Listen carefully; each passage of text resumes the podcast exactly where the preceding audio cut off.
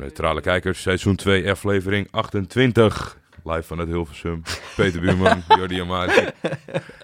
En natuurlijk Hannelore Westerloot met het laatste verkeersnieuws.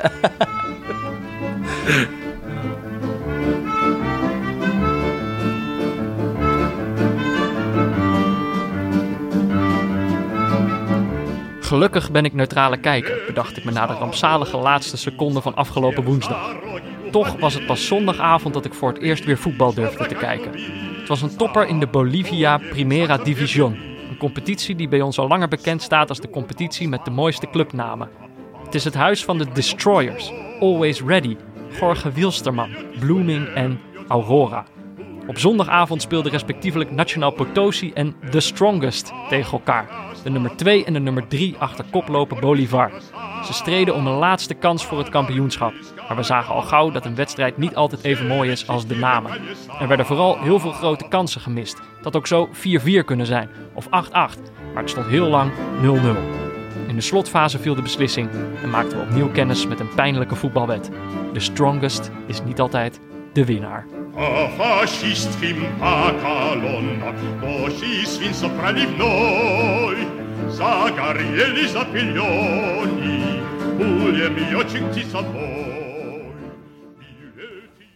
Ja, Jordi?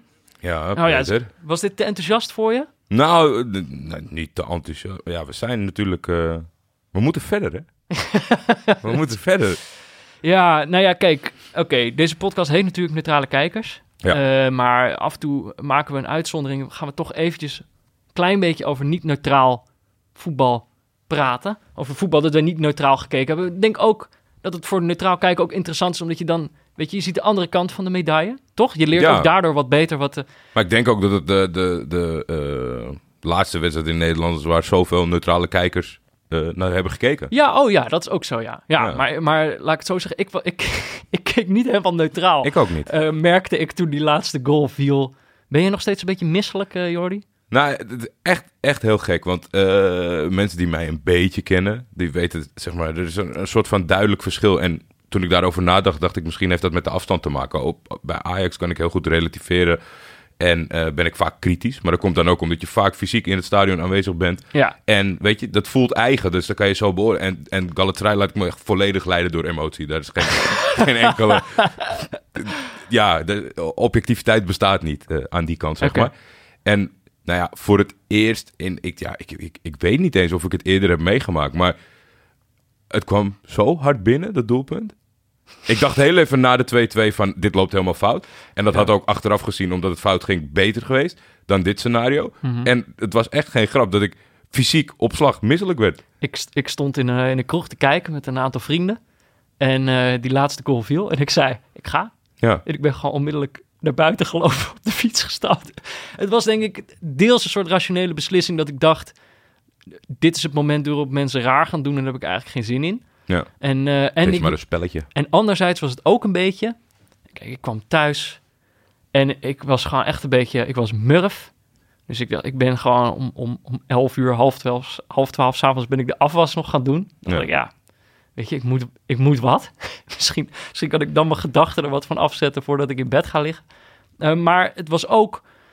Kijk, want het was natuurlijk heel, heel vreed. Ik belde... Gisteren belde ik mijn moeder. Was natuurlijk gisteren was het moederdag. Dus Ja. ik belde haar even. Toen ging het toch eventjes over Ajax. En eh, zij zei het op een heel goede manier. Ze zei ja... En, en dat is denk ik ook met dit Ajax. Ook als neutrale kijker kun je niet, denk ik niet ongevoelig zijn voor wat daar precies gebeurde, toch? Of ben ik dan heel, heel naïef? Daar ben je wel naïef in. Omdat ik zeg, nou ja, niet, niet, niet uit eerste hand. Alleen, ja, ik, ik, begrijp, ik begrijp die.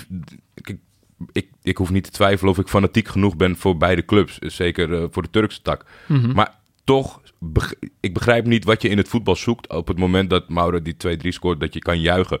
Nee. Want ik weet nog echt heel goed eh, dat Nou ja, PSV, behalve- PSV tegen Milan. Ja, Toen was dat doelpunt. Maar je, of je er nou voor PSV bent of niet, zit je toch dusdanig in de wedstrijd dat je Ja. die emotie niet als eerste hebt. Je loopt weg en je denkt van, nou ja, gelukkig dat ze die finale plaats niet hebben gehaald als, als rivaal zijnde. Ja. Maar je kan toch niet initieel juichen, maar er zijn wel mensen die juichen om zo'n ja doelpunt, hoor. nou, ik heb toch het gevoel, als je, als je die pijn niet voelt, als je die gasten op het veld ziet liggen, Ja. dan is er gewoon iets mis met je. Maar misschien is dat dus mijn, mijn niet-neutrale blik. Maar goed, mijn moeder zei dus aan de telefoon, zei zij, van ja, is natuurlijk eh, verschrikkelijk en het is hartverscheurend wat er, eh, wat er met die jongens is gebeurd. Het was heel vreed, zei ze. Dat had eh, Erik ten Hag gezegd en dat vond ze heel goed. Zei ze, het is toch fijn dat er voor zo'n groep jongens dan een trainer staat die onmiddellijk de juiste woorden weet te vinden. Het was gewoon heel, heel vreed. En dat dacht ik, ja, dat vind ik eigenlijk ook... Ja, en Dan kun je het is ook- gelijk accepteren. Het is ook wel grappig dat eh, op het, het moment dat het nodig is, dat hij het wel beheerst. Omdat hij natuurlijk in het begin heel, er is heel veel kritisch gedaan over zijn bespraaktheid. Ja, En niet alleen om, omdat er een accent aan zit of omdat het eh, nee. hakkerig overkomt, maar ook gewoon eh, niet makkelijk uit zijn woorden. Maar als je dan op zo'n moment... Ja, ik denk zag toch... wel gisteren dat bij de officieuze titel dat het, het gevoel voor ritme zit er niet in. Nee, nee, nee. Oh, Nee, dat zag er niet best uit. Maar eigenlijk, dit was de ene kant. Dus dit was mijn niet-neutrale kant. Ja. Maar wat ik ook merkte, eh, en dat zei ik in de intro al, ik had eigenlijk misschien wel net iets te snel, vind jij, de switch naar, godzijdank, ik ben gewoon eigenlijk gewoon een neutrale kijker. Ik nam eigenlijk onmiddellijk afstand van, van wat zich allemaal had afgespeeld met Ajax. Weet je, ik had me heel erg laten meeslepen omdat het zo goed ging. Het was natuurlijk compleet uitzonderlijk en het was fantastisch om te zien. Maar op het moment dat dat, dat dat verdriet zo hard binnenkwam, toen dacht ik eigenlijk onmiddellijk, ja, waarom ben ik eigenlijk verdrietig om iets waar ik zelf niet echt iets mee te maken heb? Iets wat ik, waar ik alleen naar heb zitten kijken. Dus ik voelde dat ik onmiddellijk afstand ging nemen. Ik Ja. onmiddellijk dacht ik, nee, nee, nee, ik ben toch een neutrale kijker. Ik ben niet voor Ajax. En dat is wat, natuurlijk wat mensen die voor Ajax zijn verachten. Die denken, ja, dan ben je een successupporter.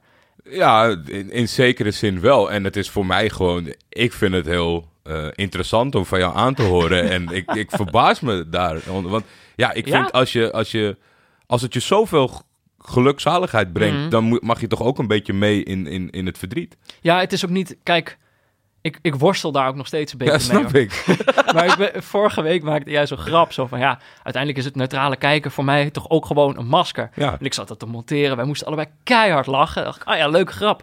Maar dat bleef wel door mijn hoofd spoken, zeg maar, op het moment dat ik, dat ik naar huis fietste uit die kroeg. Toen dacht ik ook van ja, nee, voor mij is dat ook echt zo. Het is ook echt een masker, omdat ik op een cruciale momenten dan toch denk van ja, maar ik wil me eigenlijk helemaal niet hierdoor laten meeslepen. Ja, dat het is echt heel grappig, omdat we het nu natuurlijk al, al echt een ruime tijd bezig zijn. En met nationaal voetbal, als onze beide landen er niet aanwezig zijn, was het heel makkelijk. Ja, Maar ik heb geen worsteling, maar ik heb wel gewoon vrede ermee met, ondanks de naam van deze podcast, ik ben geen neutrale kijker. Als iets bewezen heb dat ik geen neutrale kijker ben, is het afgelopen woensdag. Ik ben ja. echt nee, ik ook, meer ja. dan 24 uur kapot ervan geweest. Ja, nou ja, ja, kijk, dat kan ik dus ook niet, ja, kan ik ook niet ontkennen. Ik zeg maar ook niet. Nee, Ik, heb, of, ik, ik ben daar ook kapot van geweest. Ik heb gewoon eigenlijk eh, helemaal geen voetbal omarm het gekeken. dan gewoon, Ja, in plaats van weg te lopen. ja, nee, dit is, dit is, de, Niet weglopen voor je problemen, Peter. dit is gewoon de struggle waar, ik- waar, ik, eh, waar ik de rest van deze podcast mee blijf zitten Ja. waarschijnlijk. Maar eh, ik had dus gewoon ook de hele week geen voetbal gekeken tot die zondagavond. Toen dacht ik, ja, nou kan het, nou, nou ik kan zag het de volgende dag op mijn telefoon dat tussen de 2-2 en de 2-3... dat ik mensen gewoon hele willekeurige dingen heb geappt. Uit zenuwen, Ja, omdat ik niet wilde kijken. Ja, ja maar precies. Dat is ook. Het, het ne- niet neutrale kijken betekent voor mij ook heel vaak gewoon helemaal niet kijken, omdat ik het gewoon te spannend Ja. vind. Maar ja, dat, eh, tot zover. Nou, rectificaties? nog, nog, Oh. één, nog één Ajax-anekdote dan. En dan moet ik misschien inleiden met een walgelijk cliché van... Never meet your heroes. In, eh, op de zitplaats, eh, of tenminste de, de plek waar ik stond in het stadion... Mhm. kwam ineens Wesley Sneijder binnenlopen. dat is natuurlijk een persoon eh, die ik redelijk... Jij hebt een heel boek over hem. Ja, dat bedoel ik. En Ja. dat, een jongen met wie ik was, die, die kende hem persoonlijk. Dus die ging ook... Ik denk ook, doe dat nou niet tijdens zo'n wedstrijd. Weet je, we zitten allemaal spannend te kijken. Hij zei van, weet je dat hij een boek over je heeft geschreven? Nou, dat was allemaal een beetje koud en kil. Ik dacht van, nou ja, oké Wesley, ik ga ook weer verder kijken.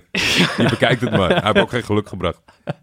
Nee. Er komt geen deel 2. nee, jullie hebben niet, doordat jullie samen dit dal hebben doorgemaakt. eh, Nee, soort, eh, nee, oh, nee.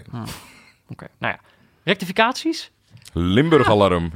nou ja, niet echt rectificaties, zijn vooral aanvullingen. Heel veel aanvullingen. Toch? Maar ik vind, ah, ik, eerlijk gezegd vind ik aanvullingen vaak leuker dan Ja, rectificaties. ik ook. Het, is minder, voelt minder als een afstraffing en meer als iemand die je gewoon een beetje komt helpen. Ik schrok eerlijk gezegd omdat Limburg Alarm in het rood eh, stond. Toen dacht ik van, hier gaat Anne weer een gekke jingle onderzetten.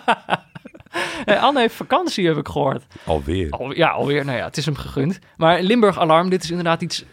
Deze discussie vindt al, eh, al, al, al nou ja, meerdere maanden eigenlijk plaats in deze podcast. Niet, het is niet een discussie tussen ons. Vooral Absoluut tussen, niet. Vooral tussen luisteraars die dit via onze podcast graag een discussie over willen voeren. Namelijk over wie de beste Limburgse voetballer ooit is. We hebben vorige week of twee weken terug... eh, hebben we op aanraden van de luisteraar gewoon Lieke Martens uitgeroepen tot beste voetballer, Ja. Limburgse voetballer ooit. Guido houdt dat graag, graag gescheiden. Nou ja, we kregen nu dus een mailtje van, van een eh, Guido, of als hij uit Limburg komt, eh, Guido. die, die, eh, die wilde dat gescheiden houden. Die zei, ja, weet je, eh, allemaal leuk en aardig. Zij is wereldvoetballer van het jaar geworden, maar eh, onder de vrouwen. En daar kunnen mannen niet aan meedoen. Dus hij wilde eigenlijk een aparte Ja. prijs voor beste Lim- Limburgse voetballer ooit voor de vrouwen. Dat, dat mag dan best Lieke Martens zijn van Guido. Maar Sympathiek. eh, bij de mannen wilde hij dan toch nog eh, een toevoeging doen. Want we hebben natuurlijk eerlijk... We begonnen met Willy Brokamp. Ja, Dat was niet zo... iemand- allebei nog nooit van gehoord. Iemand anders zei nee, het is eh, Mark van Bommel. Maar nu, Guido heeft een andere toevoeging. Namelijk Willy Dullens. Ja. Dat is een voormalige speler van Fortuna Sittard. En eigenlijk zijn eh, argumentatie voor deze speler is dat hij werd uitgeroepen tot voetballer van het jaar. Terwijl hij in de eerste divisie speelde. Ja. In eh, 1966, of daar iets daarvoor. Wat? Helaas als 21-jarige moest hij stoppen vanwege een, een ernstige knieblessure. Ja, Opgelopen in de oefen, interland, oefenwedstrijd tegen Vitesse. ja. Er ging een schok door heel Nederland, zegt hij. maar misschien was Guido erbij, ik weet het niet. Nou ja, zijn benefietwedstrijd in het Olympisch Stadion met 60.000 Zo. man. Dat, eh, dat is eh, in Amsterdam. Volgens Cruijff was Willy Dullens een technisch betere voetballer dan hij zelf. Ja, technisch. Als je als 21-jarige al stopt. Nou ja. eh, kijk, bij deze dus. eh, het is dus niet Mark en eh, Mark van Bommel Ik of vind, dit te, ik vind dit, dit te mieterig. Al- Als in mythe. Te veel mythe. Ja, Ja, het is ja. te veel mythe. Want eh, 21 jaar is te vroeg. En zo- zo'n woordje is super lief. En dat zegt ook wel wat van Cruijff. Ja, Maar, gewoon een hart onder de riem. ja. Zou ik die jongen ook geven als hij net geblesseerd is. Toch? Ik vind Willy Dullens de eh, beste Limburgse what if. ja, wat, had- wat had er allemaal van, met hem kunnen gebeuren, Willy Dullens? Dus ja, ik weet niet precies wie het nou blijft. Of nou Mark van Bommel is, Willy Brokamp of Willy Dullens. Dat mogen de Limburgers zelf uitvechten.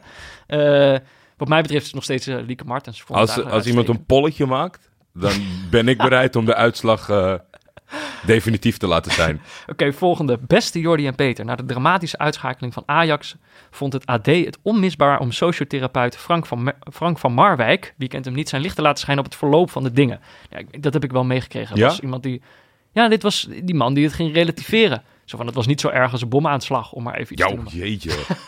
Nou, het is goed dat ik eh, meer dan 24 uur mijn telefoon Hey, weg heb gelegd. Eh, technisch, gezien- technisch gezien gewoon waar, eigenlijk, toch? Het is gewoon waar. Ja, ligt eraan waar die bomaanslag is. Eh, ja.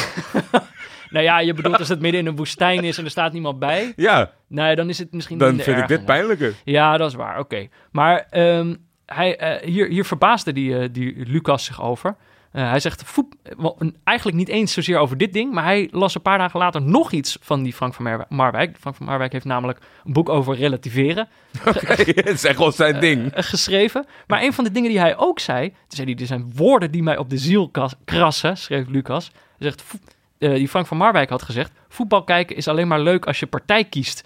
Anders gaat er alleen een bal in het net en valt er niets te juichen of te treuren. En dan, schrijft Lucas, een grove aanval richting de neutrale kijkers. Een stoot onder de gordel. Het kan niet anders dan dat Frank nog nooit een Estse topper heeft gekeken. Het zou jullie sieren als jullie deze stuitende uitspraak stevig zouden veroordelen. Als ware het een bomaanslag.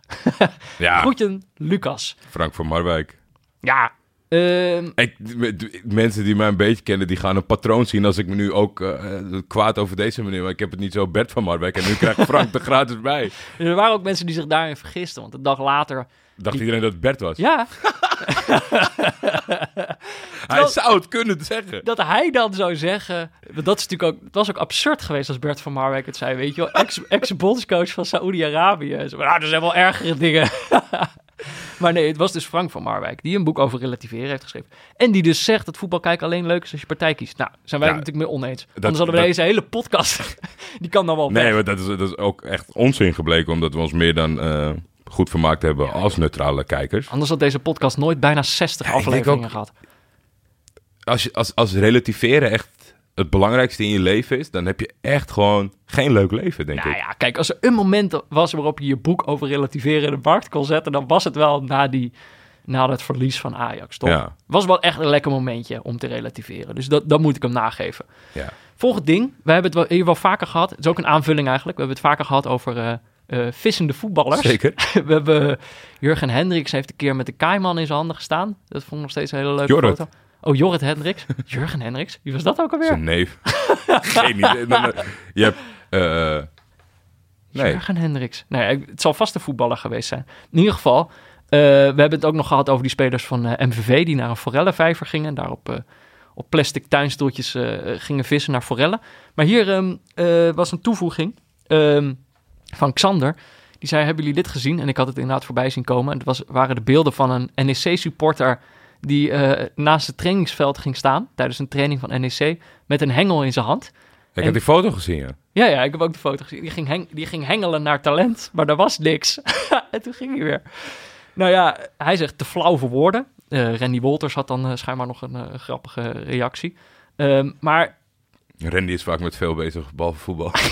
maar Nee, hij doet ontzettend goed uh, sinds hij terug is van zijn blessure. Maar uh, als iemand dan in de selectie van NEC er wat mee gaat doen, dan is het Randy Wolter. Ja, maar ik moet zeggen, ik vond het eigenlijk, hoe, hoe flauw het ook is, zoveel moeite voor, voor, zo'n grap. grap. Ja. Dat je daadwerkelijk die hele hengel meeneemt, ook nog even gaat hengelen. Blijkbaar zo'n opmerking maakt waardoor dat, waardoor dat blijft hangen en iemand dat kan opschrijven. Ja, ik heb er toch wel respect Maar die voor. mensen zijn wel belangrijk inderdaad, dat wil ik zeggen. Dus- Ik, ik zou met echt met geen hengel die kant op te krijgen. Maar, Nee, maar het is fijn dat er iemand rondloopt die het doet. ik, ik, Voor ons plezier. ik, bij mij gaat er dan toch, ik, ik word toch het kan ook, weet je wat, het, wat dat is het gekke. Je bent helemaal niet zeker dat het naar buiten komt. Als je naar de training van NEC gaat, dan weet je niet zeker of dat wordt vastgelegd of dat iemand het vertelt. Nee, klopt. Dat is natuurlijk, kijk, je kunt thuis zitten en Dat vind ik wel dedication. je kunt thuis zitten en een tiertje schrijven met een gifje van iemand die zit te vissen of zo. En dan Ja. zeg je, nou, ik heb, zin- nou, en dan- weet je zeker dat mensen het lezen. Maar deze man heeft gewoon een hengel gepakt, is naar het trainingsveld gegaan, heeft het daar gedaan, zonder inderdaad de wetenschap dat ook andere mensen dat nog zouden gaan meekrijgen. En dat is echt gewoon, dat is eh, kunst voor de kunst, Ja. Jordi. Dat vind ik prachtig. Daar word ik, ik het warm van. En die, Ik- die Xander die had ook nog een leuke PS.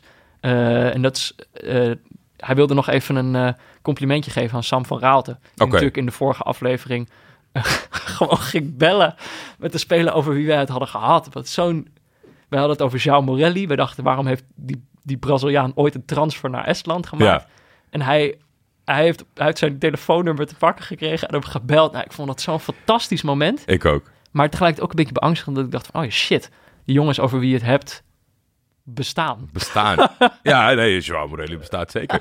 Maar wat ik in de tussentijd me afvraag, is hoe jij... Wat jij zegt, wie is Jurgen Hendricks dan? Dat is een speler die tussen 2002 en 2011 123 wedstrijden heeft gespeeld voor FC Eindhoven. Vraag me af.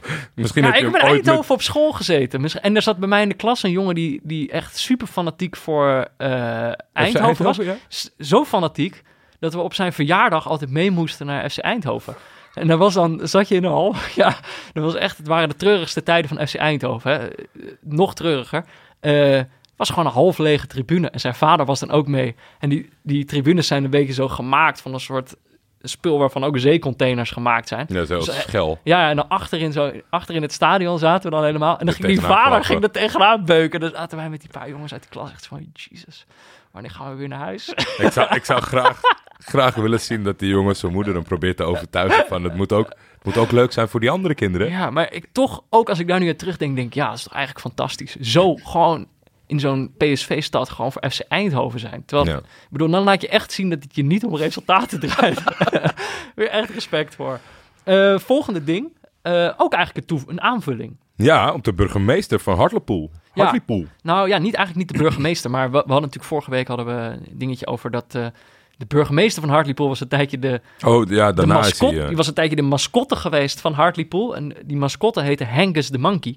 En toen ik daarover begon, toen was deze persoon die, eh, die de bericht stuurde, ik kan even zo snel niet vinden wie het was. Oh jawel, Remco Koster.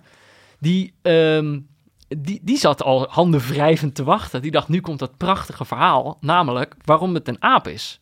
Waarom Hangus de Monkey een, een, eh, een, een aap is. Ja. waarom de mascotte van Hartlepool een aap is. Namelijk, eh, dat gaat helemaal terug tot een eh, legende uit de tijd van de Nap- Napoleontische oorlogen. Dus een stukje van Wikipedia wat hij had meegestuurd. was namelijk zo, na die slag was er alleen een aap over. Eh, en, en een aap in een Frans uniform. Die was meegereisd op de, op de, schepen. En in Hartlepool is die aap uiteindelijk veroordeeld tot de dood. Die is opgehangen aan de mast van een boot. En daar is Hangus de Monkey op ge- gebaseerd. Ik zeggen, het is natuurlijk hartstikke zielig voor die aap. Maar- Laten we daar even bij stilstaan. Maar ik vind het wel een mooie legende, weet je wel. Dan zie je, dan zie je een gek apenpak op het veld staan, maar er zit wel een verhaal achter. Ja, nee. Eh, ik vind het een schitterend verhaal. Dus dan, kijk, ik bedoel, eh, PSV heeft Foxy en Ajax heeft ook een of ander dier, een links of wat is het? Ja, Wat, zijn- ja, wat is dat nou? Dit is gewoon een mooie legende uit de Napoleontische tijd. ja. Dat, ja. eh, dat vind ik nog eens wat. Oké, laatste berichtje. Of nou ja, waren er meerdere. Ja waarom? Tenminste, eh, de strekking bij de meeste was ongeveer hetzelfde. Hoe bedoel je Het dat? ging over Oh ja, de ja, hij- achternaam. ja, De Zweden, Zweden Jansson is de zoon van Jan. ja, Dat is niet zo, Peter. dat was mijn uitleg. Ja, we hadden het over Pontus Jansson, Mhm. een speler uit de Championship die, eh, die even helemaal flipte en, en, en daardoor op, jou, op jouw goedkeuring kon rekenen. Dat vind je altijd leuk als spelers door de lint gaan. Ze moesten een goal weggeven van Bielsa en dat wilde, Ja. hij, wilde hij niet. Nou ja, toen werd hij helemaal boos. Absoluut niet. En ik weet niet meer hoe we er precies op kwamen, maar eh, ik was jou toen aan het uitleggen dat, eh, dat hij Jansson heet, omdat zijn vader Jan heet. Ja, Omdat dat ze dat dat, zo werkt. ik zei, zo doen ze dat in, in Scandinavië. Eh, maar dat is inderdaad door meerdere mensen eh, verbeterd. Dat is namelijk niet zo in, in Zweden, waar die eh, Pontus Jansson vandaan komt. Dat is alleen zo in, in IJsland. Ja, In IJsland doen ze dat. Dus de zoon van Pontus heet Pontusson. Of als je Jan heet, had hij dus wel Jansson geheten. En het, het grappige is, bij dochters heet je dan dus niet Son, maar dat je Dottir. Dotter. Dottir. Hmm. Dus dan heet je, als je Pontus Dorti, Dottir. Ehm, en dan, hij had nog een leuke toevoeging, vond ik wel. Ja. Zei hij, maar waarom heet Eidur Gudjonsson eh, dan niet Eidur Arnor, Arnorsson? Omdat zijn vader Arnor heet. Eh, dan zegt hij wel, omdat 10% van de IJslanders wel een echte achternaam heeft, die van de vader op zo'n dochter wordt doorgegeven. Oh, Dus, dus misschien heb je een keuze of zo, dat je dan, dat je als ouders dan wel kan denken van, nou deze persoon, ik heb zo'n stomme naam, die wordt het niet. geven Nou, we ze eigen. Groetjes Gert Gijssen, niet de zoon van Gijs. Vond ik leuk. Ja, Vond ik leuk. Ja, vond ik een leuk geintje. Nog een Gijs, die een bericht stuurde. Ja, we werden getipt eh, op een, eh een mascotte dingetje. De Het zal ook eens niet. Nee, de, de SPFL mascotte race. Deze jaarlijkse race wordt eind augustus gehouden. Onder alle Schotse vo- voetbalmascottes. Waarbij ze over een paarden-honden-racebaan rennen voor de eer en glorie van hun club. Lijkt me dat jullie daar ook neutraal wel naar kunnen Ja, kijken. Ik Nou vind, ja, het, ik vind het zo bizar. We hadden het toen over dat mascotte schaatsen. Zo is deze, deze hele mascotte ellende in deze podcast begonnen.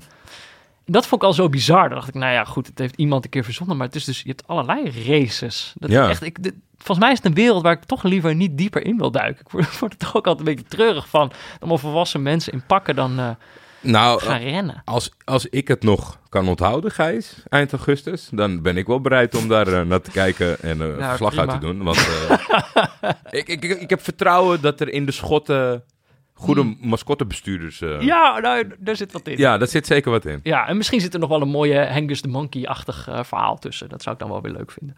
Ja, en, en de toevoeging aan eh, het, het, het stomme nieuws van vorige week dat Notts County geen profclub meer was, ook van Ja, Gijs. Ehm, nou ja, dat, dat had ik al zo'n beetje, want volgens mij als je daarin duikt, kan je wel bizarre verhalen Ja. vinden. Jouw punt was, die club is eigenlijk slachtoffer geworden van al het wanbeleid Ja. en idioten die daar aan de leiding hebben gestaan. En Gijs voegt daar vooral pech aan toe. Ja. Eh, een club die eigenlijk altijd pech heeft gehad met oplichters, slechte coaches. En als er een keer een stabiele eigenaar was, dan stuurde hij een dikpik op Twitter. Opmerkelijk. Ze hebben daarom het liedje I had a wheelbarrow, the wheel fell off. En ja, in de, op de laatste dag zat er nog een mirakel in, maar dat, dat ging dus uiteindelijk eh, op de pechfactor niet door. I had a wheelbarrow, the wheel fell off. Ja. Ja. dus zelf als ze tevreden zijn met de kruiwagen, dan valt nog dat ene wieletje eraf. Ja. Eh, het laatste dingetje dan nog, een, eh, een, een rectificatie. Dit was Ed Del Pero. Zo, dat was zijn Twitternaam. Ja, Peer Verwij, die noemt zichzelf dan eh, Del Pero. Die ehm, eh, had ook hetzelfde verhaal over de, de Zweedse en IJslandse achternamen. Eh, maar hij had daarbij nog een ander dingetje. En dan dacht ik, het is toch wel goed om het daar even over te hebben. Eh, was ook niet echt een rectificatie, maar meer een soort punt van... Hij zegt, ja, ik, ik luister graag naar jullie. En dan beveel ik jullie altijd aan, aan aan vrienden. En die gaan dat dan een keer proberen. En dan krijgt hij eigenlijk altijd de feedback dat er zoveel verwijzingen zijn naar eerdere afleveringen, naar andere personen, eh, opmerkingen uit eerdere podcasts. Hij zegt, ja, voor mij is dat een feest aan herkenning. Maar voor mensen die net beginnen, die hebben het gevoel, zeg maar, alsof er een heel gesprek gevoerd wordt en zij niet precies weten waar het over gaat. Eh, ja ik, ik denk meteen trein, Siberië, luister alles terug. maar dit begrijp je ook alleen als je een van de eerste afleveringen... Ja, nee, ik, ik, ik, ik snap het. Ik denk dat het Ja, is- grote lijnen misschien... Ik misschien wel meevallen, maar dat is misschien omdat ik het zelf niet door heb. ja, Er zijn gewoon wat terugkerende namen, maar dat is altijd Nou ja. toch nog wel met een klein beetje Uitleg? Kijk, het is een beetje... Deze aflevering die we nu opnemen is aflevering 28. Ja. Als je nu opeens Game of Thrones gaat kijken, dan- snap je er waarschijnlijk ook helemaal niks van. Toch? Nee, Of dan ik denk wel dat je het spectaculair vindt, maar geen idee waar je naar kijkt. precies. Het betekent uiteindelijk helemaal niks voor je, Nee. omdat je niet precies weet wie die mensen zijn. Nou ja, dat is hier natuurlijk ook zo. Wij betekenen helemaal niks voor jullie. Nee. als, je niet, als je niet de voorgaande 50 afleveringen hebt geluisterd. Ja, nou ja. Dus, maar er zit, eh, er zit misschien een mooi eh, nieuw eh, nou, in, in, inloopmoment. Want hij, ja, precies, want hij zegt uiteindelijk: wat zouden jullie als elevator pitch doen voor nieuwe luisteraars? dacht ik, nou ja, uiteindelijk. Kijk, eh, dit seizoen is bijna ten einde, seizoen 2 van Neutrale Kijkers. Maar er komt natuurlijk een seizoen 3 aan. Deze zomer gaan wij eh, weer verslag doen van de Afrika Cup. Weer een toernooi. Gaan we iedereen opnieuw introduceren? Precies, dan beginnen we met de schone lei. Kom ik binnen met een zakje nootjes? Zeg, weet, je, weet je waar deze vandaan komen? Jij gaat- bon. Je gaat je huis opnieuw verbouwen. Nee, we beginnen dan gewoon met de schone lei. Dus als, als, je, als je nieuwe luisteraars wil werven, zeg dan vooral van nou, wacht misschien maar even. Sla deze afle laatste aflevering nog even do- over. Wacht een maandje. Wacht een maandje en haak dan aan. Want dan ga je gewoon met ons dat hele toernooi door. En dat is volgens mij wel de, de makkelijkste manier om, eh, om kennis met ons te maken, toch? Dat denk ik ook. Leuk. Nou, tot zover. Hoop eh, toevoegingen. Eh, Ja. Mocht je ze nog hebben, dat kan natuurlijk. Kun je ze altijd mailen naar neutralekijkers.gmail.com. Eh rectificaties, opmerkingen of toevoegingen, zoals je Weet- merkt. Jij zei net over verbouwen. Ja? Ken jij Karsten Kroon? Ah, nee, ik heb wel deze... Ik, heb, ik, heb, ik wist niet wie het was. Ja, maar het is een commentator bij Eurosport. Ja. En die zit dus gewoon tijdens zijn commentaar uh, scheidlollig te vertellen over zijn verbouwing. Ja, Ik weet niet waar, waar die advocaat van me naartoe moet. maar ik denk, daar zit toch wel copyright op. schijnbaar vinden mensen dat leuk, Jordi. Misschien Ja. moeten we daar ook eens een keer iets mee doen. ja, goed. Ehm, dan is het natuurlijk eh, al bijna tijd voor de wedstrijd die we deze week gekeken hebben. Want, nou ja, goed. Mocht je, mocht je dit voor het eerst luisteren en denken, waar hebben ze het de afgelopen 20 minuten over gehad? Eh, nou ja, eigenlijk gaat deze podcast natuurlijk over eh, wedstrijden van over de hele wereld die wij bekijken. Deze week hebben we een wedstrijd gekeken van de competitie waar we het al iets langer over hadden. Waar we eigenlijk rijkhalsend naar uitkeken. De competitie met de allermooiste clubnamen. De Bolivia Primera Division. Eh, we keken Nacional Potosi tegen The Strongest. Wat toch wel de beste clubnaam is uit die hele competitie misschien wel. Maar voordat dat we het daarover gaan hebben, eh, is het natuurlijk tijd voor een woordje van onze sponsor, Auto.nl.